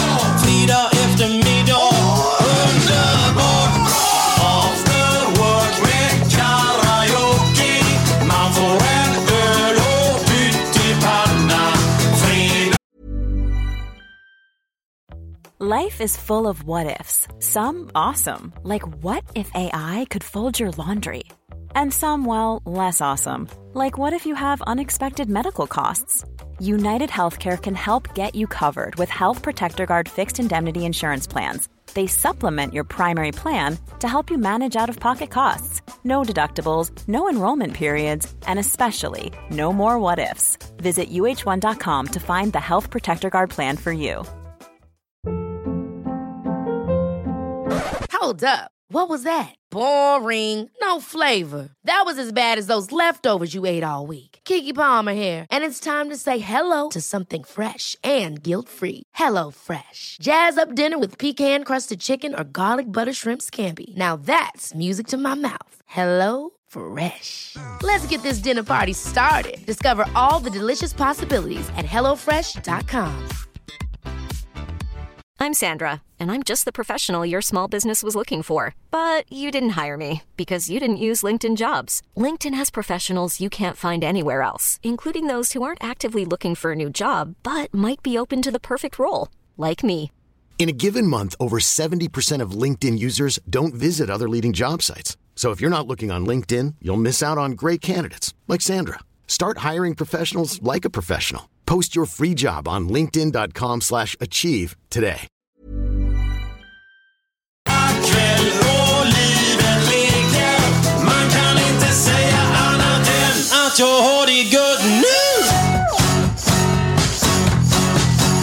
Bonk. Ska bara sätta på kaffet. För du vill ha lite kaffe? Ja, jag tar en slät koppar. Så att, Ja, det är samma här. Den kan gå på nu så kan vi fortsätta här ändå. För det, Ja, ja, ja. ja, det blir jättevarmt inne i den här lägenheten. Ja, jag kände det. Ja, ja, det är helt sinnessjukt. Du vet, på vintern då. Så brukar det vara fönster uppe, fönster uppe, dörren Ja. öppen. Ja, en dörr varmt. Ja, ja. Alltså är det en tjock vägg där? Varför är det en tjock vägg? ja men här går rör och grejer. Det går rör där? Ja. Jag tror det var något bärande. Vi har ju en lägenhet ovanför oss. Ja, just det. Det måste ni ha. Ja. Ja. Men ni har en... Ja, en våning ja, där alla barnen bor. Ja. Nej, det är jättevarmt har vi. Men samtidigt så är de på den sidan och fryser på vintern istället. Så är det hellre varmt och öppnar upp. Fast det är ju syret då. Vi har ju sån här spis här. Och det ska ju gå med någon automatik då Ja. utan de här små grejerna då. Men det funkar inte alls bra. det. Fast de har bytt någon nyligen. Så inne, har du luftvärmepump eller? Ja. Jag är inne på att sätta in det i hallen där för att få lite cirkulation. Och, för den kan man ställa in även på kyla om man säger så. kan man väl göra va? Installerade den igår. Okej. Jag stod och tittade Aha. på den och undrade om den fungerar. tänkte jag. Nej, men jag har hört att de ska vara jättebra i öst. Att, Ja, ja, jag, jag har en sån här stor grej ute, Ja, utvändigt. exakt. Som suger in då. Värmepump ja. ja. Ja, suger in, in Ja. i maskinen då. Ja. Som omvandlar då den. De är skitbra sådana grejer. Ja, ja. Ja, så här, man ska halvera energikostnaden. ja, plus på sommaren om det ska vara så här jättevarmt så kan man ju ställa den på typ 20 grader inne ju. Så det är svalt och skönt inne också. Ja, det blir lite ja, det kan, ja. ja. Fast då vet jag att då drar den lite mer... eh, Om man går på AC. Nej. Ja. Ja, okej. Eller ja, det är ju inte AC utan man ställer den på temperatur och Ja, så den- jobbar den på det då. Nej, så ja. Alltså du, in- igår. Ja, rörmokaren var där igår. Ja. Köpte den av Tord Holmgren. Jaha, sälj. Han jobbar med sånt. Rörpojkarna. Ja. Rörpojkarna. Tord Holmgren. Hur känns det? Okej va? Ja men det är jätteroligt. Alltså, det blir så spontant. Det blir Ja, men det är det olika så här, Man vet inte var man hamnar. Utan det bara går. Nej, jag sa det. Det är ingen mening att ha någon jävla... Manus. Att man ska göra det och det och det. Utan det är bara att Nej. flyga på. Ja. Du, det är som jag snackade med dig om Micke med det här programmet som jag skulle bara... Eller... Det kan du ta direkt. Ja, gör det. Jag gör det. Kan du göra. Då var det Partille Radio och sådär. Ja. Radio 88 Partille. Ah. Ja, jag är ju med på sån här... eh, Jag spelade in grejer igår. Ja. Nere på Mölndals fabriker. Eh, Det är sån här humor. Lester heter det. Det är ett humorprogram. Alltså, alltså det är så jävla sjuka grejer så det är, jag njuter ju fullständigt. Ja. det är så jävla sjukt. Det sjuka, det är ju roliga tycker jag. Igår hade vi olika sporter som jag skulle testa på då. Ja. I Göteborgsområdet. Bland annat var det quiz. Jag vet inte hur fan vad kallades det? Eh, vad fan sa jag förut? Vill du ha Ramlös också? Nej, det var sant. Ja. Quiz, eh, quiz med elchocker. Ja, då var det frågesport och svarade man fel så fick man 220 Nej. tillbaka. Är det säkert? Nej, det var ju bara påhittade Jaha. grejer. Nej, nej för fan. Och så var det paintball. Eh, Paint, dart paintball. Ja. Sådär ja, det var lite, lite off the work med... Eh, vad fan heter han nu då? Sådär ja, det var off the work där. Eh, Glenn, eller förresten Torbjörn, kaffet är på G. Ja.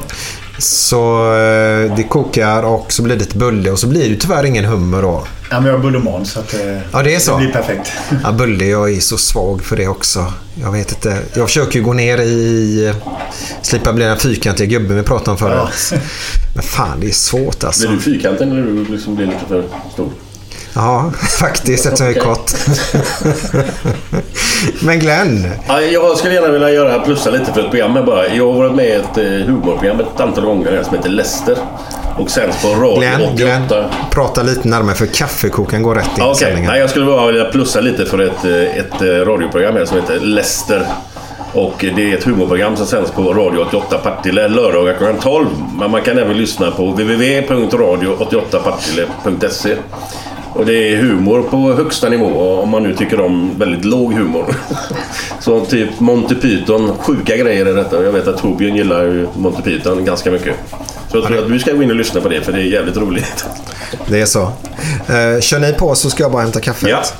Jag var väldigt nyfiken på... Eh, du kanske har sagt det förut. Eh, jag vet inte, det är möjligt i något sammanhang. Men varför, varför tackade du nej till landslaget från början? Vad var om, omständigheterna där? Ja, ja, det var inte på grund av Laban så att... Eh, Nej, för det har man ju hört lite olika i olika sammanhang. Att det var det som var grejen. Liksom. Men, Sen, sen, sen tycker jag en av de största, inte skandalerna, men en, eh, det som är mest synd för svensk fotboll det var ju att när Laban var förbundskapten så var ju Tord Grip och Sven-Göran Eriksson förbundskapten i U21. Vi var ju med där du och jag. Ja. Jag tackade nej till A-landslaget men Svennis sa att det kan du inte spela U21 då. Och det gjorde jag ju. Jag spelade några Ja, matcher ja, det vet jag. U21 där Kommer ihåg det. och mötte Skottland Ja. och Ungern. Och, var inte det på, uppe i Stora Valla? Ja, precis. Ja. Vi vann där med 3-1 tror jag. Någonting. Så att, eh, så att eh, det, då var det roligt för att jag tror att hade Svennis varit förbundskapten för A-landslaget så hade jag ju säkert spelat. Men eh, det fungerade inte speciellt bra i landslaget där när jag kom tillbaka. Så det började ju väldigt bra med min, min debut. Eh, Finland. Vi vann med 6-0. Jag gjorde två mål tror jag och orsakade två straffar. Så att eh, det gick jättebra. Sen så gick det bara utför på, något sätt. Men det, mycket av orsaken var det där med PSV-äventyret. Okej. säga. Och när Svenny sen då, när vi väl tog det här sista kl- klivet. Jag, jag tycker det gjorde vi väl 81 kan man säga. Det året. Och det var det året jag började tacka nej till landslaget. Så att, eh, Jaha. så det var lite olyckliga omständigheter att jag inte fortsatte i landslaget. Mm. Men, jag, jag var väldigt beroende av när jag, när jag spelade fotboll att jag, när jag fick, fick bollen så måste jag vara fri i tanken. Mm, mm. Att eh, det, nu, nu är det jag som ska göra någonting. Men jag vet att i början så tänkte jag så här eh, 79-80 där i landslaget tänkte jag undrar vad de vill att jag ska göra med bollen. Vem ska Mm. passa och så Mm, här. mm. Så att, eh, det, var, det var lite synd. Och, och, å andra sidan då, vad, vad, vad var det som fick dig att börja igen? Ja, det var ju att det gick så bra då i Blåvitt. Vi var 86 där vi 80, förlåt, 84. Vi hade slått Norrköping i en eh, final där. SM-final. Och, eh, man kände man kunde göra vad som helst med bollen och Mm. det spelade ingen roll vem man mötte. Utan eh, det var bara kul att göra något. Mm.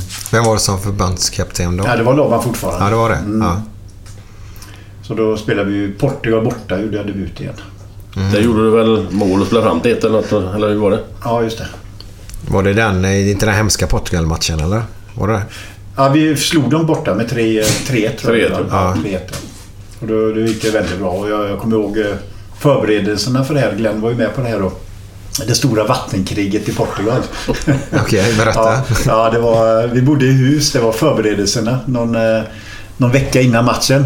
Och då skulle vi vara på ett ställe som var en bit ifrån Lissabon där vi spelade. Mm. Då låg vi ute vid Algarvekusten. Då hade de hyrt, eh, förbu- förbundet hade hyrt stora villor med pooler. Okej. För det var lågsäsong där då, så det var ganska billigt. Så Mm. vi bodde en fyra, fem spelare i varje hus där. Mm. Så då var det ett Göteborgshus och ett, eh, ett Malmöhus och ett AIK-hus ihop med Öster och sånt där. Okej. Ja. Och så plötsligt då så gjorde eh, Thomas Ravelli kom och skojade med oss. Han hade på sig en sån där mask och skrämde oss. Okej. Och då började vi jaga honom och då blev det, där började det stora vattenkriget fem dagar innan en viktig VM-kvalmatch. Berätta. Ja, vi höll på med vattenslangar och hämtade vatten i hinkar på, i poolerna och spruta vatten på varandra. Ja, det var... All, alla var med kan jag bara säga, men inte Österspelarna. De tyckte det var löjligt. Jaha. Ja. Tråkiga. Ja, det var, det var, det var lite tråkigt ja. Men det, det Österspelarna Men, var... men Öster spelade inte Ravelli där då? Eh, jo, det gjorde han. Men Ravelli, Ravellibröderna var med. Ja, men ja. du hade två Österspelare till som tyckte de var inte med på det här. Nähä. Vilka var det? Får jag fråga? Jag kan tänka mig att Peter Nilsson... Ja, Mats Nordgren och Peter Nilsson. Ja, det var Okej. inte världens... Ja, Alla är olika. ja, ja. Men vad fan, det var hela gänget skämt kan man väl vara med på. Vad, eh, men vi måste ju gå in på våran storhetstid här i Göteborg. 82. Som börjar då 81 kan vi ju säga. För man börjar ju spela även där tidig i höst, eller? Eller hur såg det ut? Kommer ni ihåg? Fick ni kvala in eller var ni med direkt? Alltså? För då var det ju direkt att man Ja, det spelade... var första omgången mot eh, Finsk klart va? Ja, Valken Koskenharka Ja. heter de. en bortamatch och en hemmamatch. Och så slogs man ut hela tiden då. Just det, det var tre matcher innan eh, jul då. Mm. Eftersom Uefa-cupen var, eh, det var mer lag än Europacuperna. Ja. Vi spelade en extra omgång i slutet av november, början december. Okej. Vad, hur, kan du berätta lite grann? Nu sitter jag med två ikoner här. Ja, men det är han som är gäst så nu får han köra. Ja, Där Men- Finland borta, vi, vi, vi hade ju vi hade liksom inga tankar i början att vi skulle vinna den här turneringen. nej. Det tror jag började först vid kvarts, Kvart- semifinal. kvarten Där började vi tänka på att vi kan nog gå till final. Ja. Så vi slog de här finnarna i alla fall. Mm. Eh, och sen mötte vi Sturm Graz borta först. Mm. Och det var en sån här domare som hade spelat i. Jaha. Han, han var, om han inte var mutad så var han i alla fall han var partisk kan man bara Okej. säga. Ja, det var klara straffar. De kapat Tommy Holmgren och han viftade avvärjande. Jaha. Men vi klarade 2-2. Och, eh, och vi var jättearga på domaren för Mm. vi tyckte att han var för jäklig. Och sen mötte vi Sturm Graz hemma. Och så står det 2-2. Mm. Det är bara en fem minuter kvar. Så får jag bollen i straffområdet och så känner jag att någon kapar mig. Ja. Mm. Så jag ramlar. Och, och de blir ju vansinniga, Sturm Graz. Det var en norsk domare. Ja. Så de tyckte att vi hade mutat en norsk domare. Aha. Ja. Sen ser man på reprisen efteråt. Då är det Stig Fredriksson som kapar mig. Nej. Men en, en, en Sturm Graz-spelare mellan. Aha. Ja. Så då hade de ju rätt egentligen. ja, de hade rätt. Ja. Så vi vann där med 3-2. Så det var på håret att vi gick vidare där, faktiskt. Ja. Och sen mötte vi Stoja Bukarest. Mm. Eh, och där, gick vi, där vann vi ganska klart. tror jag. 3-1 hemma och 1-0 borta. Så. Ja, du gjorde målet borta, kommer jag ihåg. Ja, det Du vi. var alltså, jag kommer ihåg folket där nere på läktaren. Alltså, sån här gammal sliten östtysk, eller öststatsläktare. Jag vet att vi... Jag vet inte om vi slängde ut eller, eller gav dem gamla fotbollsskor och strumpor och grejer. Alltså, det var ju så fattigt allting. Men så vet jag, jag kommer ihåg att alla var helt... Alla sjöng Torbjörn Nilsson, kommer du ihåg det? De gubbarna där. För de tyckte att det var så jävla bra. Ja, jag kommer ihåg efteråt. Det stod en massa militärer där. Ja, men de var ju helt grymt Ja. imponerade av det. Alltså. Mm. Alltså det var så? Ja, för fan. Helt sjukt. Helt sanslöst. Hur, hur gick det matchen där då? Vi vann 1-0. Ja. Och sen så mötte vi Kaiserslautern då i semifinal. Valencia först. Ja, Valencia. Ja, Valencia. Kvartsfinalen, ja. Mm. Där finns ju hur mycket som helst om den jävla matchen. Ja, det var... Ja, men berätta lite nu. Jag, jag sitter ju här med två jätteöron och bara vill Stig lyssna. Fredriksson blev ju sjuk. Så han kunde inte spela. Och han, han blev magsjuk. Så Schilly fick ju gå in och spela. Mm. Och de hade ju en kille som hette Saura. En av de största spelarna Spanien hade på den tiden. Och Schilly har ju ingen aning om vem fan han var. Och han gick in utan han syns, syntes inte på hela matchen. Saura han tog bort honom fullständigt. Okej. Schilly hade ingen aning när man mötte. Det, det som kan nämnas är, det är ju att vi tappade styrelsen eh, eh, två veckor innan den här matchen. Vi var i, eller en vecka innan bara. Så avgick styrelsen. Så att det fanns ingen styrelse mer än Anders Bärmar och Ove Kindvall. Okej. Och de skulle åka ner till Valencia. Ja. Och då visste de inte, vi kan inte åka med två. Så de värvade in Loket.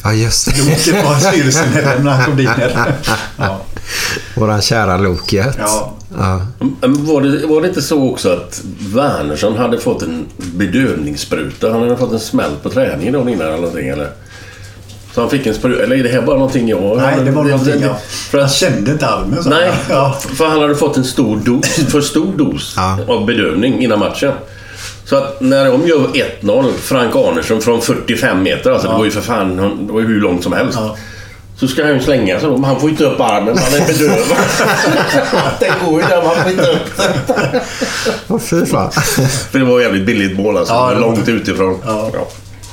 Så det hände mycket. Mm. Sen hade ni ju hemmamatch mot dem här sen. Hur gick det då? Valencia? 2-0 nu tror jag vi var med. Och det sägs då att inte Valencia hade en enda målchans. Nej. Ja. Det var en fantastisk match. För, försvarsmässigt alltså. Vi, Mm. Det var helt otroligt. Tror att eh, Tommy gjorde mål va? Och Stickan på straff. Stickan på straff, ja. Jag tror. Mm. Ja, jag var säker på straffar. Ja, Stickan. Ja, Mm. satte de alltid högt. Ja. Vad, eh, hur såg det ut på själva Ullevi den dagen? Var det mycket folk? Och... Det var, då det, var, det var ju då det började bli 50 000 på Ja. den matchen. Mm. Så det var rena kaoset där efter biljetter. Ja. Goa, goa var ju också att man jobbar ju halva dagen. Mm. Jag var ju som elektriker till klockan två sen. För hela de här matcherna, alla de här matcherna. Du jobbade också eller? Eller var ja, du- jag jobbar på SKF ja. ja. ja. Det, det är en rolig historia där. Det Tord kommer och frågar, eh, men det är väl Uefa Cup-finalen då mot Hamburg. Han frågar styrelsen, eh, eller fotbollsutskottet, om han kunde få ta ledigt tre timmar så han kunde gå hem efter lunch. Nej. Inför en final. ja. Det är helt fan, man visste ju inget annat. Nej, det var ju så på den Ja. tiden. Ja. Ja. Men alltså gått för snabbt nu med händelserna. För efter Valencia där nu så hade vi ju eh, Kaiserslautern. Så var det va? I Eh, semifinal. Ja, just det. Mm. Och det var väl han, hette han Brigel? Brigel, ja. ja. Jag kommer ihåg att publiken såg Brigel, ha ha ha, Brigel, ha ha ha. Det minnet har jag just då från den här matchen, hemmamatchen då. För han var ju stor som ett hus. Var det inte så? Jo, det är en gammal tiokampare. Okej. Han, sp- jag spelade med honom i två år där. En, fan, en fantastiskt fin kille är det. Ja. Eh, Men eh, han var ju tiokampare och kom upp och började träna med, med laget.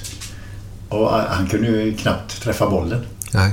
Men eh, tränaren där såg någonting, Feldkamp som han hette då, såg någonting hos honom. Okej. Han blev landslagsspelare och kapten i landslaget till slut på, Helt fysik. eh, otroligt ju. Blev inte ni jävligt bra kompisar när du var i Kaiserslautern? Jo, vi var... Ja. Det var nog nästan den bästa kompisen jag hade. Mm. Mm. Han var skön. Jätteskön kille. Men hur var, hur var resan ner till Tyskland där nere? Ehm, ja, det, när vi mötte dem på bortaplan. Ja. Ja. nej, det var ju, det var ju fantastiskt roligt att vi har kommit till kvartsfinal och det var ju ingen som trodde ett svenskt lag skulle komma till kvartsfinal. Så. Ja, vi är i semifinal nu va? Nej, förlåt, semifinal. Mm. Så att det, det var... det var 1-1 tror jag det blev. Och jag tyckte att vi hade mer målchanser än vad de hade. Så att Mm. de, de var nog chockade. Mm. Och sen möttes vi på hemmaplan här och då stod det väl 1-1 ganska länge där. Och så fick vi en straff där en av mittbackarna tacklade mig. Så Mm. kommer bollen in i straffområdet så kommer han och tacklar mig från sidan. Mm. Och jag, jag ramlar ju inte men jag förstärker väl hans tackling i alla fall. Mm. Och då får vi straff på den. Och det här, det, det, ty, tyska spelarna var ju jättearga på mig. De tyckte att jag var Schauspieler. Så det fick jag ju höra sen jag gick till Kaiser. När du kom dit, ja. Ja, då tyckte de det Schauspieler. Men det var ju en svensk målvakt som stod i Kaiserslautern då. Ja, Ronja. Ronny Hellström. Våran landslagskeeper då, eller? Ja, var det så? är en av Sveriges bästa målvakter genom tiderna. Ja. Mm. Jag kommer bara ihåg att han tjuvade jättemycket på den straffen. Ja, han höll på att ta den. Ja, men då var han ju typ två, tre meter utanför Mm. mållinjen nästan när han väl slog till den då. Stig Fredriksson då. Det var väl, de hade väl trott att de skulle få spela uefa Cup-final. Att ett svenskt lag inte skulle kunna stoppa dem. Nej. Så att det var en enorm besvikelse. Det var väl det som vi vann mycket på. Att de underskattade hela tiden. Mm. Hela vägen. Alltså, bara att de gjorde det hela vägen, det fattar jag liksom inte. Men de flesta lagen tyckte bara att det kommer ett gäng halva amatörer. Fan, det väl inget svårt att slå dem där. Mm. Men det visade sig vara lite annat. Hur, hur, hur var lagkänslan i laget då på den tiden? Eftersom styrelsen var ju problem som du sa där och gick inte de in med att satsa sina hus och grejer i Blåvitt och grejer? Hur fan var det med det? Eller panta sina hus då som, vad heter det, i borgen heter det va?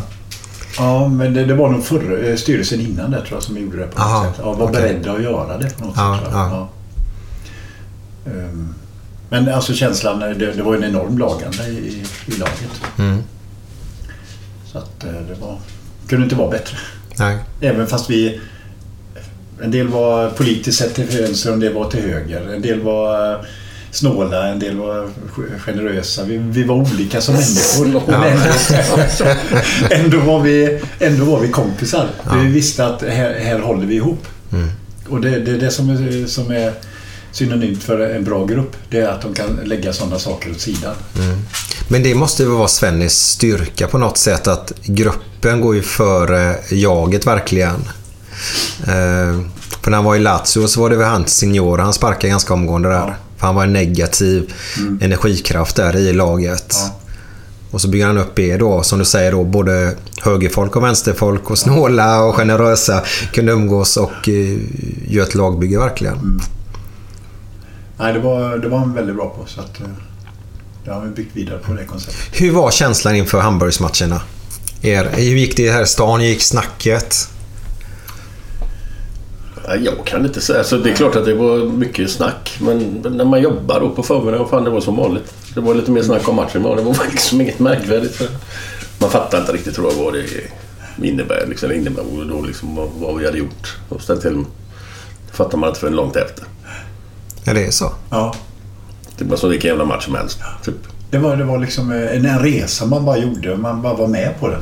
den, den det, ungefär som vi pratade förut om att man ska leva mentalt här och nu. Ja, just det. Man gjorde inte det på något sätt. Utan Nej. det, nu är vi i final, men vi ska vinna nu blev det. Mm. Hela tiden blev det när man kom till kvartsfinal. Vi ska gå till semifinal. När man kom till semifinal så var det final som gällde. Och nu, nu var det Så man njöt inte av själva stunden? Nej, då? man gjorde inte det riktigt. Nej. Är det något ni ångrar så eller? Det är så. Det är När man så. är i en sån Funkar process. människan så alltså? Ja, Ja. man är i en sån process. Sen gäller det att hantera den situationen muskulärt och mentalt. Mm. Det, det jag glömde säga då, kvartsfinalen där i Valencia. Mm. Eh, angående det här att eh, spelarna är proffs idag. Ja, eh, och det här vet inte tränaren, men det vet han nu efter detta, Svennis. Det var att jag spelade bad, en stenhård badmintonmatch klockan sju på morgonen. Samma Va? dag. Ja, I 45 minuter mot min chef som heter Jussi Lassarev. Spelade vi eh, badmintonmatch där. Oj. Som finalen? Kvartsfinalen. Eller kvartsfinalen, ja, förlåt. samma, samma dag. Den Samma. är ju nästan Ja, ja, skottpengar på. Ja, jag vet. Men, men alltså jag, jag visste det att jag, jag, när jag fick göra någonting på morgonen, vilar jag, så blev jag bara seg. Ja, okej. Gjorde jag någonting så Ja. var kroppen väldigt pigg. Och du känner ju din kropp bäst. Ja. Vi var inne på något annat program där. Då pratade vi om just det där att det är viktigt att, man, att träna ger en utrymme för att göra uppladdning. För oftast känner man ju sin kropp bäst själv då. Eh, Ja, du menar innan matcherna så? Ja, Ja. ja. en del vill ju ha högt musik och en del vill ju ligga stilla i ett hörn och göra ingenting. Och vad fan, det är ju så jävla mycket olika så det... Det, var, det var Roger Gustafsson tror jag. Det var, Ja, det kanske var. hade. Och det är samma i landslaget då. Att du, alla ska göra ungefär samma sak. Du ska äta, du måste äta det här för annars kan du inte prestera. Mm. Men eh, jag, jag vet fortfarande att det finns en magsäck som talar om hur, hur känslan är där nere. Mm. Och det tycker jag är synd när det kommer in för många byråkrater som ska tala om hur, hur människor ska äta och, och, och göra för att de ska vara pigga till match. Ja. Men du kan ju mycket om mat och sånt där. Förhoppningsvis. Ja. Det vi käkar innan matcherna, jag glömmer aldrig alltså. alltså på bortamatcherna. Eller även hemma någon gång kanske, men det såg mest bortamatcher. När man käkar en köttbit med ett stekt ägg Ja, på och en kokt potatis. Ja. Vad fan, är det rätt mat att vräka i sig innan en match? I, idag, hade man, hade man käkat det idag? eller? Nej, nej, nej. Ja, men forskningen var så att du skulle äta kött för det låg kvar länge i magen. Potatis låg okej. kvar. Ja. Men det kom- jag glömmer jag aldrig. Det var Åberg som, som tror jag som införde det. Okej. Ja. En, en oxfilé med en, en stekt ägg. Ja, precis. Oxfilé med stekt ägg på. Ja, eller Och så kokpotatis. Ja, och kokpotatis. Åh herregud. Ingen sås? Ja, Det var det nog kanske. Ja, Ja, såsen är viktigast. Ja. Men idag, vad äter de? Jag har hört att fisk ska man äta för det är en lätt mat och det är sådär. Ja. Men hur ser det ut idag? Eh, Det är, det är väldigt individuellt. Mm. Jag, jag vet att det här eh, LCHF tror jag som det heter. Det är Ja, just det. det som, eh, ja, tio, vad heter han, eh, skidskytten Björn Ferry Mm. höll på med det. Men det, det menar ju en del då forskare på att du kan inte eh, ha den kosten. För att eh, hjärnan tänker inte klart i slutet för den får för lite kolhydrater. Jaha, okej. Men eh, det, det, vem, vem, hur har man kommit fram till den? Nej. Nej, det är så mycket så det... Du, du pratar, vi kommer tillbaka till 82 här snart, men du pratar mycket om muskulärt. Vad, vad är det du menar med det? Att man ska vara pigg i benen. Ja, Okej. Ja. Ja, ja. Det, det, är liksom, det tror jag alla fotbollsspelare vet när du är lite seg i benen eller när du är pigg i benen. Mm. Ibland kan du bli pigg i benen efter ett tag. Mm. Ibland kan du vara pigg i benen i början och bli seg efter ett tag. ja. Så att, eh, det, det är väldigt viktigt att veta. Och jag, jag visste det tack vare Nisse Berghams träning. Att jag visste det att jag kan träna på morgonen. Mm. För att vara pigg. Muskulärt då. Ja. Och jag gjorde också ytterligare en grej. Det började tror jag med 81. Där började med det inför viktiga matcher. Att jag åt ingenting dagen innan. Åt jag bara eh, frukost, sen åt jag ingenting. Jag drack vatten bara. Jaha. Och så tränade vi. Och då var jag ganska skakig vet. Ja. Och efter, efter eh, träningen så kunde jag till och med jogga 2-3 kilometer och sen åt jag, vräkte jag i mig mat. Aha. Och det jag gjorde då det var en minifasta som, eh, som jag fick reda på. Mm. Och det är vad eh, maratonlöparna gör. De höll ju på så mycket för Att man fastade. Och då gjorde man en riktig fasta. Och sen då en 3-4 dagar innan det viktiga loppet, då börjar man fylla på med kol- kolhydrater. Men, men vad händer med kroppen då? Ja, det- den blir mer, mer mottaglig. Mhm. Ja, ja, och det är ju det Ja, av näringen och sånt av näringen som kom in. Ja, okej. Och då tog den till sig bättre Ja. på något sätt. Mm. Men det kanske inte passar alla, men det passade mig det i alla fall. Att inte äta dagen innan match. Men eh, hade du, bara en jättedum fråga säkert, men hörde du bara talas om detta och testade en gång och du kände att det funkar? Eller vad? För jag ju inte ens på tanken att testa ens. Nej, Nej men jag, jag har alltid hållit på med sånt där. Okej. Testat olika saker. Ibland Ja. har det blivit fel, ibland har det Okej. blivit fel. Min fru är vansinnig på mig för jag håller på med, med andra saker. Men vad är, vad, är det, vad är det värsta? Berätta. Nej, det är att jag kan få för mig att jag ska laga maten på det sättet idag. Inte det gamla trenden. Nu ska jag testa åt det hållet. Och då blir det kanske inte så där jättegott. Nej, Ja. okej. Okej. Eller att jag får för mig att slipa dörrarna på det sättet istället. Jaha. Du testar nya metoder själv och det är ju inte alltid så bra. Nej, är inte Eh, Men andra- ibland kommer jag på hur man kan göra en eh, eh, bearnaisesås. En snabb bearnaisesås. Att Jag tänkte, det kan man göra på Aha. det här sättet. Ja, så det går jättebra. Men vad var skillnaden då? Berätta. Eh, ja, skillnaden blir väl att det kanske en, en riktig kock, Leif Ja. Nordström, säger det här är, det här är, den här är inte riktigt bra den här bearnaisesåsen. Nej. Men jag känner ingen skillnad. Nej. Han, han åkte ju ut på bearnaisesås tror jag till och med Det i kockarnas kamp. Ja, jag tror det. Hans var för lös var det. Ja. Varför, varför låg du av eh, matlagningsgrejerna? Det kom det inga andra grejer i bilden? Ja, jag blev tränare samtidigt. Okej. Och så var, åkte jag klockan fem på morgonen ner till Partihallan och hämtade eh, frukt och bröd och sånt där. Och så åkte jag direkt till Jonses träning. Och så kom jag hem klockan åtta och så var det bara att gå och lägga sig. Ja, det var, min fru var inte speciellt intresserad av att leva med en sån man. Nej. Så då, då sa jag det, nu, jag måste göra någonting. Ska jag, slä, eh, ska jag släppa fotbollen då, tränarskapet? Men det, det, utan det blev att jag släppte Kocken. kockeriet då. Så att jag blev kock på Rasta istället. Mm. Mm. Så jag blev bara kock, inte egen företag. Nej, nej. Men då, tillbaka till 82. Ja. Jag måste bara avsluta med en grej när du ändå snackar med Vi kom in på, var det på partihallarna? Ja. Micke, nu här måste du höra på. Vi, vi skulle käka lunch. Jag, jag vet inte vilka det var. Stickan var nog med och någon gubbe till. Ja, det var på eh, min restaurang då? Ja. ja. Mm. Pyttipanna och ägg. Och vi fick in det liksom så började jag käka. Fan. Började skära ägget. Lägger ett jävla plastägg på Pyttipanna. Han har ett plastdäck. Det borde man ju räknat ut egentligen. Men... Man borde ju sett det eller? Nej, det syntes fan inte. Nej, det var väldigt Nej, det gjorde det inte alls. Så det var det? Ja. Jag kan glädja mig, med, det, det, det gjorde jag mot de som jag gillar. De som jag inte gillar, då, då panerar man en trasa och stekte så att det såg ut som en schnitzel. Nej. Det var, de man inte gillade. Ja, Okej, så det var lite kärlek med det, det plast, plastdäcket där då. Vad bra, men tillbaka till 82 nu Glenn. Torbjörn, eh, ni får börja hemma. Hur såg uppladdningen ut? Hur, hur var känslan? Kände ni att ni kunde vinna innan? Eller vad kände ni underlägsna? Eller hur var det? Vi, vi visste ju att eh, Hamburg var ett bättre lag för de hade ju gått väldigt bra i Europa. Det var Ja. ett av Europas bästa fotbollslag. Många landslagsspelare. Vi visste att de var lite bättre än Kaiserslautern och där hade ju varit ganska tätt. Så vi visste inte riktigt vad, vad vi var men eh, jag tror att det var tur att vi började hemma faktiskt. Vilket gjorde då att vi vann med 1-0 och så eh, de, de spelade defensivt för de trodde att det skulle lösa sig på folkfesten. Ja, exakt. Så tror jag nog var eh, allmänna uppfattningen. Ja. Både Torbjörn och Tommy Holmgren blev ju nedsparkade under den matchen. Ja, du, du, Totalt kapade alltså. fick inte du en spricka eller något i benet? Och benbit släppte. En benbit släppte? Benbit släppte. Ja. Så att, eh, jag gick ju i gips i en vecka. Mm.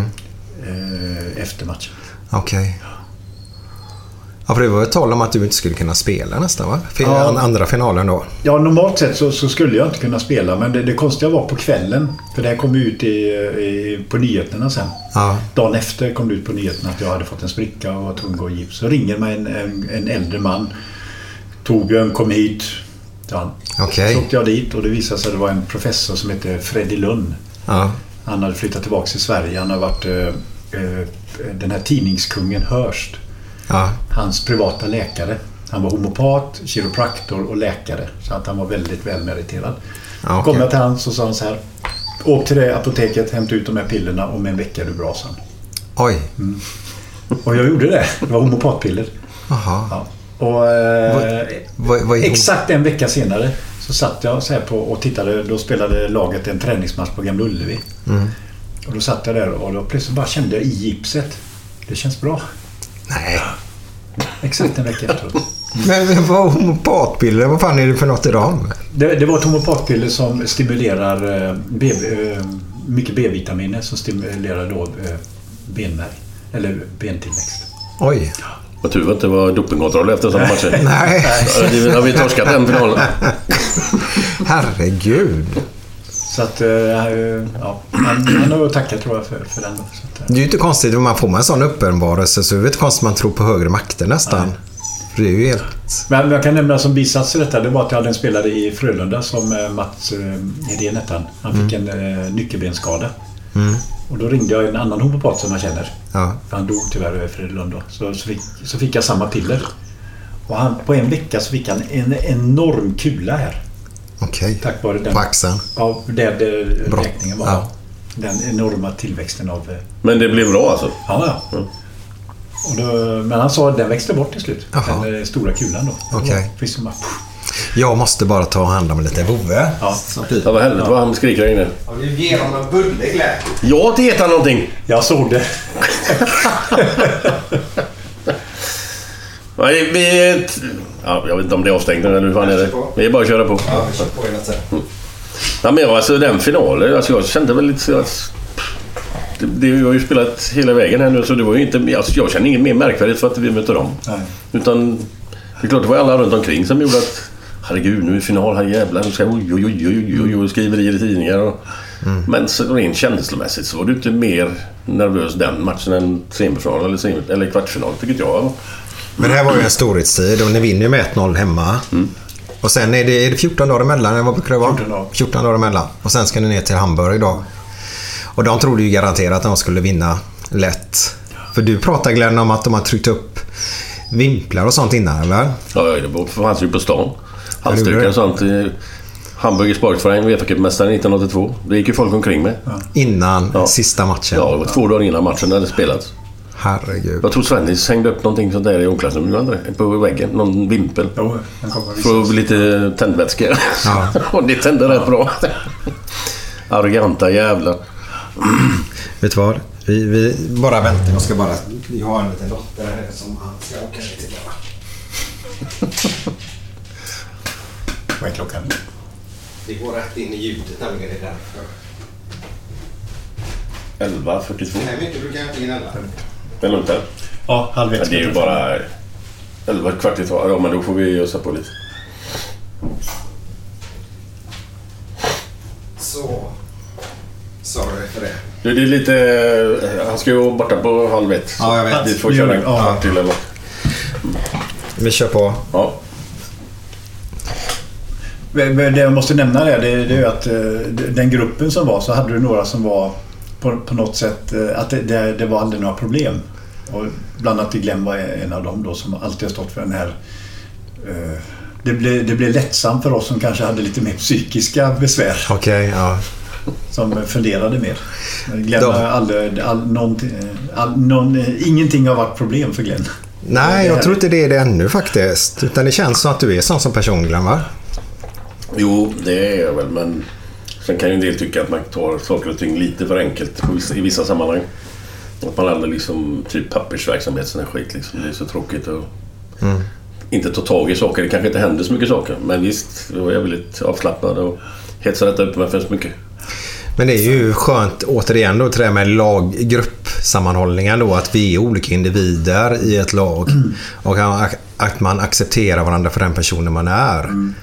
Och just att de där skojarna här borta då, Glenn och dem. Och så du lite mer tänkare. Glenn och dem, det sitter den största jäveln sitter där borta. Likadan. Ja, du är tvåa. Ja.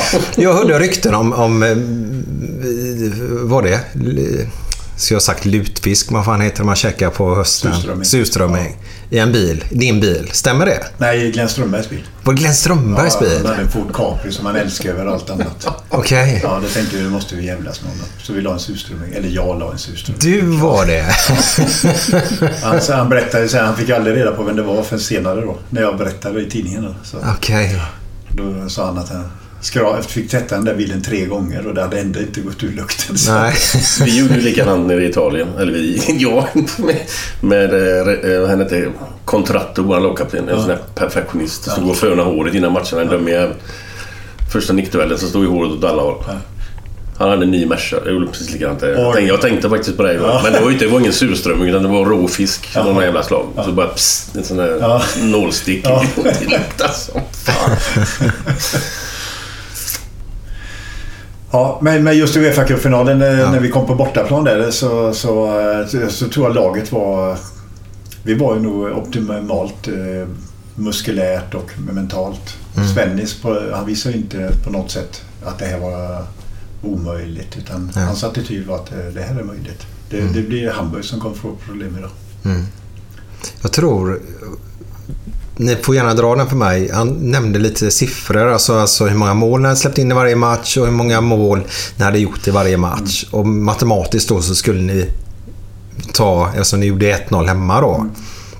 Kan du berätta vad han sa? Kommer du Jag ihåg kommer vad jag ihåg, det menar? här kommer inte jag ihåg. Jag, jag, Forvas lyssnar sällan vet du. Ja, det är så. Det är du och, du och Johnny Ekström. Ja?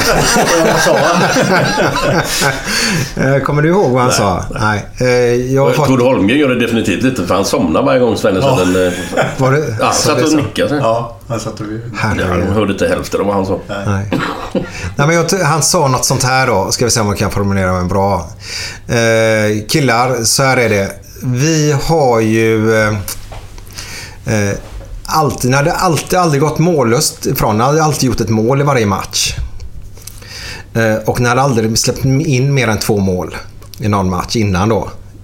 Så gör ni då ett mål, som ni har gjort innan, så måste de göra tre mål. Och ni har aldrig släppt in tre mål. Det var Glenn Strömberg tror jag som berättade det här. Eh, och då fick han sen tanken, jävlar, shit, vi har ju chansen då ju. Då är det inte omöjligt. Eh, något sånt formulerade han sig då. Och det, det fick just tändvätskan att tro, eller, ja, tro på det hela då va. Nej, alltså matchen började... Jag kommer ihåg känslan i början. När kommer deras offensiv? Mm. Men den kom ju aldrig. Så att, eh, sen hade ju Glenn oturen att bli skadad. Du gick väl ut efter 20 eller något. 20. Ja. Men det, det var de viktiga 20 minuterna Glenn var med. Ja, men det är det. Första 20 är ju jätteviktiga. Ja, vi- vi- Men vi grej, gjorde ett mål grej, efter... Ja, 23 eller något. Ja. Eller något sånt. Men det, vikt- eller en grej som jag kommer ihåg det var ju att Svenny sa att Det var ett jävla tjat om det här med bananinlägg från Manfred Kaltz, deras Mm. högerback. Han var ju landslagsspelare, stor jättespelare i Tyskland. Skruvade inlägg. Som dunkade in dem på huvudet på Horst Robers som nickade in dem då. Mm. Och det var ju jävligt svårt då när han får nicka där. Han har ju en stor jävla buffel liksom. Men nu, gör vi- då sa ju Svennis så då tar vi bort han där borta så att det blir några inlägg. Så det kom ju inga inlägg. Nej, han just fick ingen chans att. Och då var ju han borta också där uppe. Det hände ju ingenting. Inte mycket va? Nej. Jag tror Horst det var en bra kille det. Han var inte som Manfred Kall som var en jävla idiot. Men eh, Rube sa så här, vi, vi kunde ha på och spelat här i flera dagar. Vi hade inte gjort något mål. Så- Alltså, han sa det? Han sa, ja, han Ja. sa det. Ja. Shit, vilken match ni gör där nere alltså. Ja. Sen vinner de Europacupen året efter. Med samma lag i stort sett. Mm. Så det var ingen jävla skitlag. Men vi måste ju ta det. Eh, Dan Corneliusson 1-0. Jättesnyggt. Inlägg från, eh, är det Tommy Holmgren då eller? Ja, det är var- det? Mm. Det är från vänsterkant i alla fall. Eh, 2-0. Du då Torbjörn. Ruscha från halva planen ungefär eller? Med gubbe bakom dig. Dessutom vänsterfot va? Ja. Vänsterfot ja. var- ja. Men, men grejen var att jag hade sprungit i djupled och så fick jag inte bollen. Så jag gick tillbaks. Och då har vi det där. Ah. Återhämtning lite. Återhämtning, ja. Ja. Jag gick tillbaks. Och så gör eh, Jerry Karlsson tror jag en brytning. Ja. Den blir med automatik. Inte så det var meningen till mig utan han bryter bara och så Mm. kommer bollen till mig.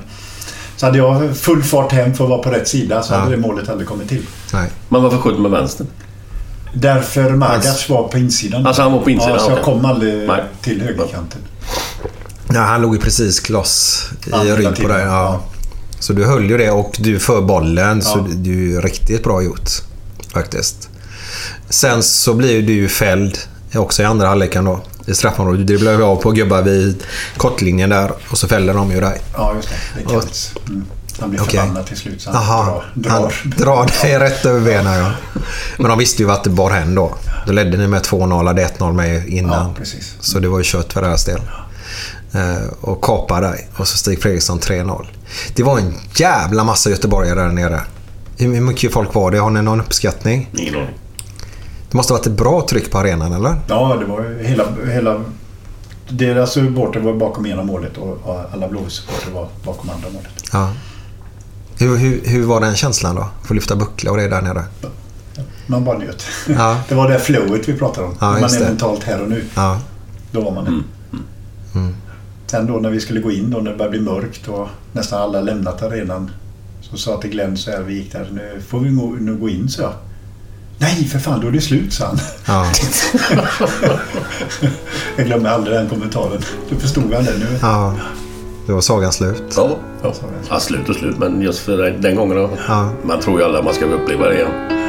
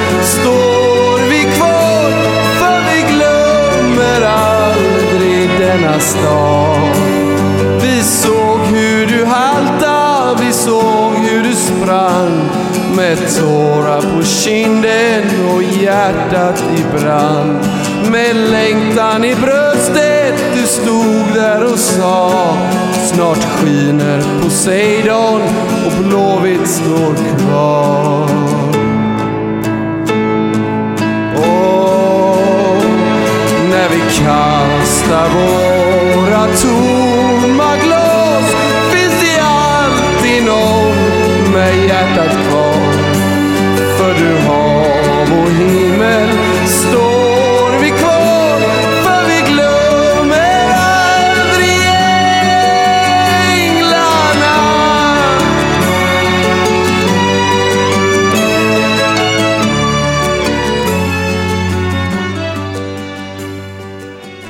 jag måste bara fråga en sak. Jag vet att tiden rinner iväg lite här.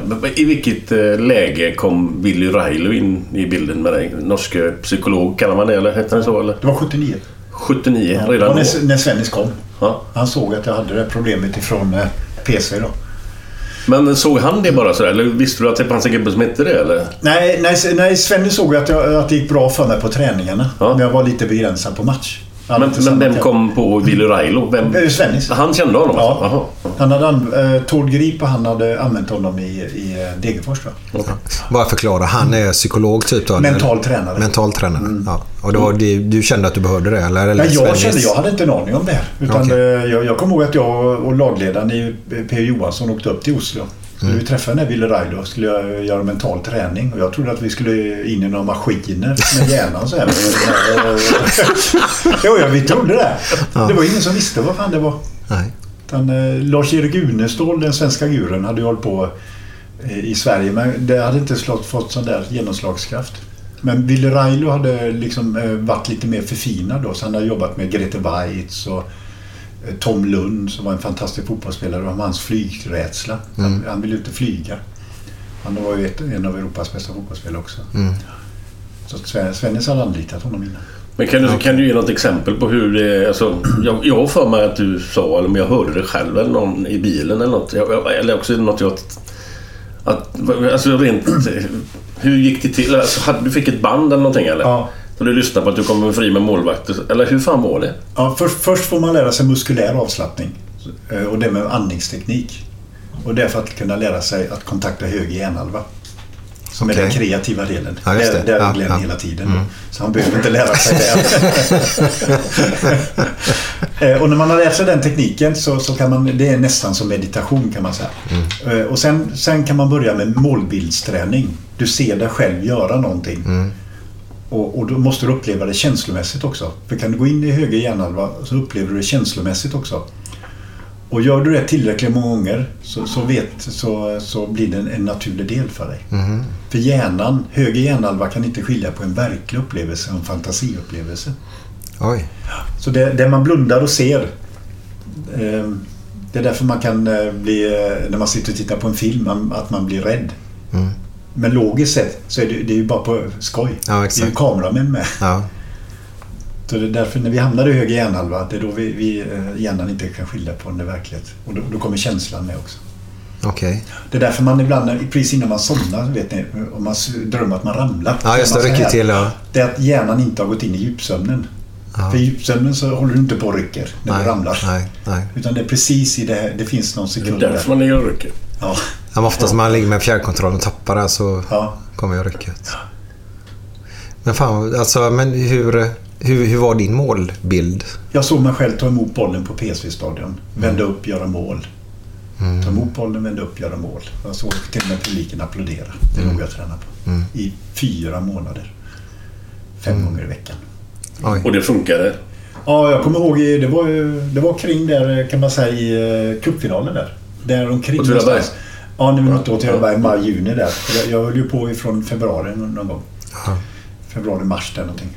Eh, Och då, då kommer jag ihåg att jag tänkte så här, men fan, jag har inte haft några har jag haft problem med detta? Det är ju ett roligt moment. Ja. Så, Så det- KBT-utbildning handlar ju mycket om det här. Ja, det. Mm. Så att de går i varandra lite grann. och Mental träning och Kognitiv beteendeterapi. Ja. Det är ju att eh, ja, eh, framåt i tiden istället för att rota bakåt kan man säga. Kortfattat. Mm. Psykologer vill ju rota bakåt. Ja, exakt. Och psykologer menar ju på att det är mycket eh, barndomen och... Ja, ja, men det är Freuds... Ja. Ja. Du har, jag har en soffa här, du kan lägga det där så kan vi köra till Freud sen. Eh, Men då måste jag fråga dig. I dagens fotboll nu då, om vi tar Blåvitt här i år. Så har de ju haft en, en supportrar då. En, eh, vissa hackkycklingar i laget då. Eh, hur hade, hade, tror du att du hade lyckats i Blåvitt i dagens klimat? Med alla sociala medier och sånt där det står faktiskt hur jävla dålig du är efter en match och Mm. sånt och de får spy galla över dig och sånt. Eh, hade, tror du att du hade lyckats idag då? Jag hade ju tur att det gick bra från början. Mm. Så att jag, jag blir ju på något sätt publikens gunstling eftersom jag gjorde väldigt mycket mål. Mm. Så att då, då, då har du det i ryggen. Ja. Då kanske de förlåter dig ganska mycket. Mm. Sen kan jag förstå vissa spelare som kanske man, man får emot sig. Men de, de som gör det här, det, det är ju inga supportrar. De tänker inte på konsekvenser. Nej. Återigen det här med empati. Mm. Vad händer när jag gör så här? Mm. Ja, du stärker inte spelarens självförtroende och ute på planen, så ni som spelar så högt upp så, så är ju självförtroendet A och O när du går ut på planen. Alltså. Nya spelare som vill komma, nej Blåvitt-supportrarna de eh, hackar på sina egna. Mm. Och jag kommer ihåg att de bästa supportrarna, Blåvitt-supportrarna var fantastiska förr. Jag vet inte riktigt, för jag har inte hört det här. Så jag, det är beklagligt om det är så. Mm. Men jag vet att Hammarby-supportrarna de, de, har alltid varit stöttande till sitt lag oavsett hur de har spelat. Och det, många spelare ville ju gå till Hammarby på grund av supporterna för att Ja. de var så stöttande. Skön känsla helt enkelt. Ja. Och det, det tycker jag dagens supportrar ska tänka på när man tar så här, de frihet. De tycker att man kan gapa och skrika. Jag har ju betalt, jag är ju medlem. Mm. Då behöver man tänka efter över sin situation. Mm. Tycker jag är ett bra budskap faktiskt. Absolut. Jag måste bara, jag vet att det börjar rinna ut här nu, men jag måste bara fråga. Vi har ju snackat om det hundra gånger förut, men bara så att... Ja, bara 86 där med straffarna och detta. Vad, vad hände där? Eh, ja, just det. det nu har dragit fram i tiden. Ja. Ja, men vi måste ta med det. De måste ta med det, Ja. för vi har inte så mycket kvar ännu. Nej, jag vet. Och jag vet att det, nu ballar inte jag ur med sjukdom och sånt där som vissa andra gjorde då. Nej, Psykosomatiska sjukdomar. Ja, det är väldigt psykosomatiskt. Vad heter Var det mässingen eller vattenkoppor? Vattenkoppor. Vattenkoppor som vuxen man. Det är bara att bita ihop. Ja, Tommy Holmgrens pojk Daniel. Ja. Han blir ändå åt helvete varje gång han träffar. Ja.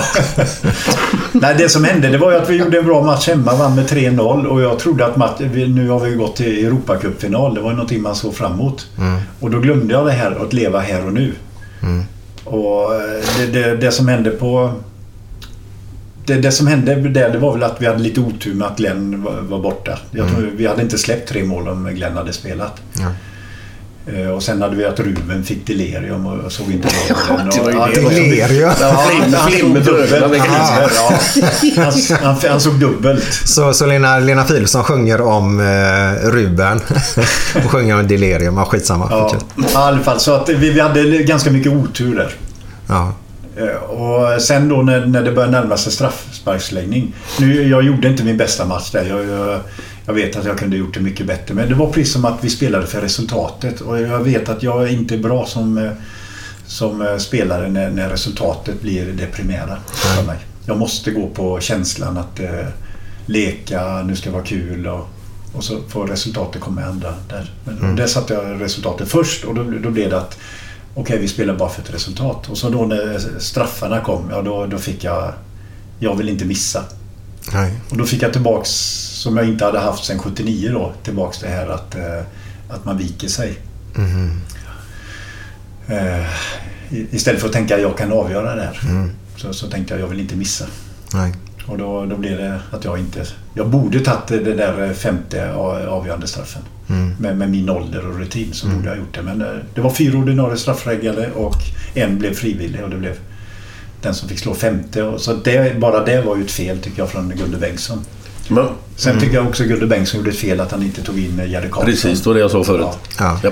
Han tog in uh, Lilltiden i, i slutet istället för att ta in Jerry som är naturlig straffläggare. Mm. Hade han gjort det så hade vi eh, inte suttit och pratat om det här. Ja, och dessutom tror jag att Jerry hade nog... Han, han är ju som han är, eller var som han var. Han hade inte... Om han hade missat alltså... Jag tror inte han hade tagit åt sig det speciellt mycket. Jerry hade slått upp den i krysset. Ja, Ja, är. Han är ganska stark. Ja, han är stark ja. ja, ja han tänker inte. Nej. Han är som. Ja, det är det. Ja. Utan hjärna så går det bra. Ja. Dunkar in Ja. Men det Glenn nog eh, fokuserade lite grann på det var att du sprang ju ner i omklädningsrummet och lite... Ja, man varit i Barcelona där så Ja. går man gärna ner och så kommer kyrkan. Ja. och så, ja, jag ville att det skulle bara bli klart. så att du, hade- ja, ja. Men du springer ju ner och gömmer dig i ett omklädningsrum. Ja. Innan straffen har börjat. Nej, det var det inte. Nej. Nej. Utan det, det var... Nej, jag såg eh, straffarna. Jag såg eh, för två första såg jag. Jaha, du såg två. Ja, så- och sen drog du ner. Sen drog jag ner och då kommer Roger Gustafsson springande efter. Du måste vara med. Det kan bli me- mer. Ja, Ja. Så jag- ser ju Rolands eh, straff. okej. Ja. Så, så jag är nere en halv minut kanske där nere. Ja. Men, vad var det? Du ville bara fly? Ja, ja du får, det, det finns något som heter flykt och eh, kampbeteende. Ja. Ja, då fick du flyktbeteende.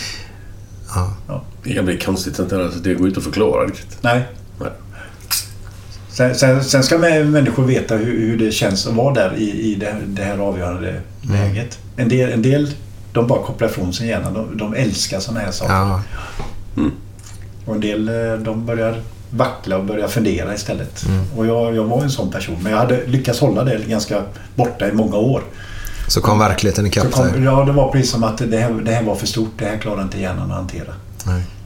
Jag menar nu Uefa Cup-final 82. och Det, det var ju bara roligt att spela där. Mm. Men här... Hur, hur länge sen efteråt eh, fortsatte du spela? När låg du av? Jag du var inte slutade med i i- 87? Nej, jag slutade på eh, våren, eh, sommaren där. 87? Ja. Ah. Ja, 86. 86, 86, ja. ja. För 87 var inte du med. Men jag bara känner ju så här att eh, Torbjörn, om det är okej för dig sen framåt vårkanten här eller ja, så ska vi ha tillbaka det. För vi har bara kommit hälften i programmet känns som. Jaha! ja. Ja, men vi Ja, har det mycket så mycket om. vi Ja. skulle vilja prata med dig om. Men du ska ju iväg och träffa en person här om en liten stund. Eh, Glenn här, han brukar alltid avsluta den här podden med en fantastiskt fruktansvärt dålig vits. Jag vet. Så, eh, så, så, så vi bara känner vi måste ju komma tillbaka till dig. Ja. ja, men jag kommer jättegärna tillbaka. Det var jätteroligt att sitta här avslappnat och prata. Sen jag hoppas att det är folk som lyssnar. Och Jo, lyssnar det kan du garantera det. Absolut. Kan, kan jag få önska en låt istället? Eh, Den handlar om att man har en dröm. Och drömmen är att vi ska få ett Europalag igen.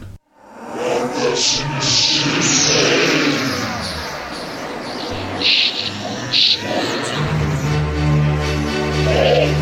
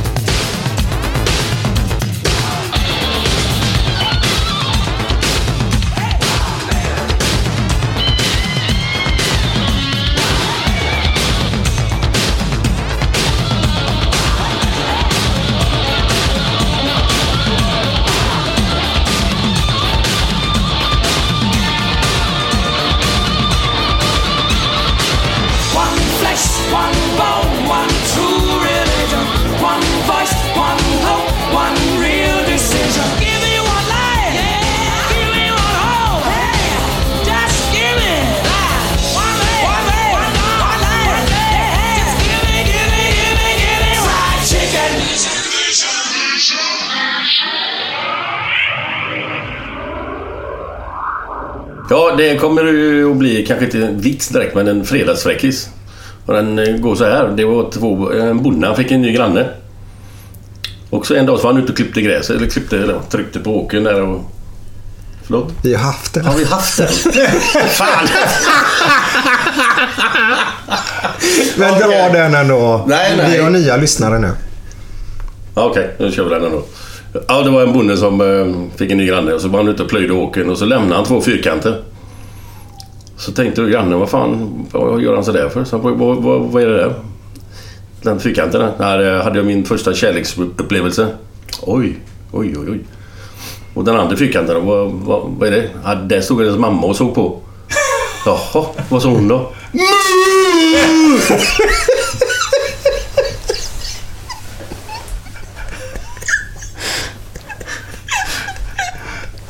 Ja, men gud. Det är- det är- rumsren.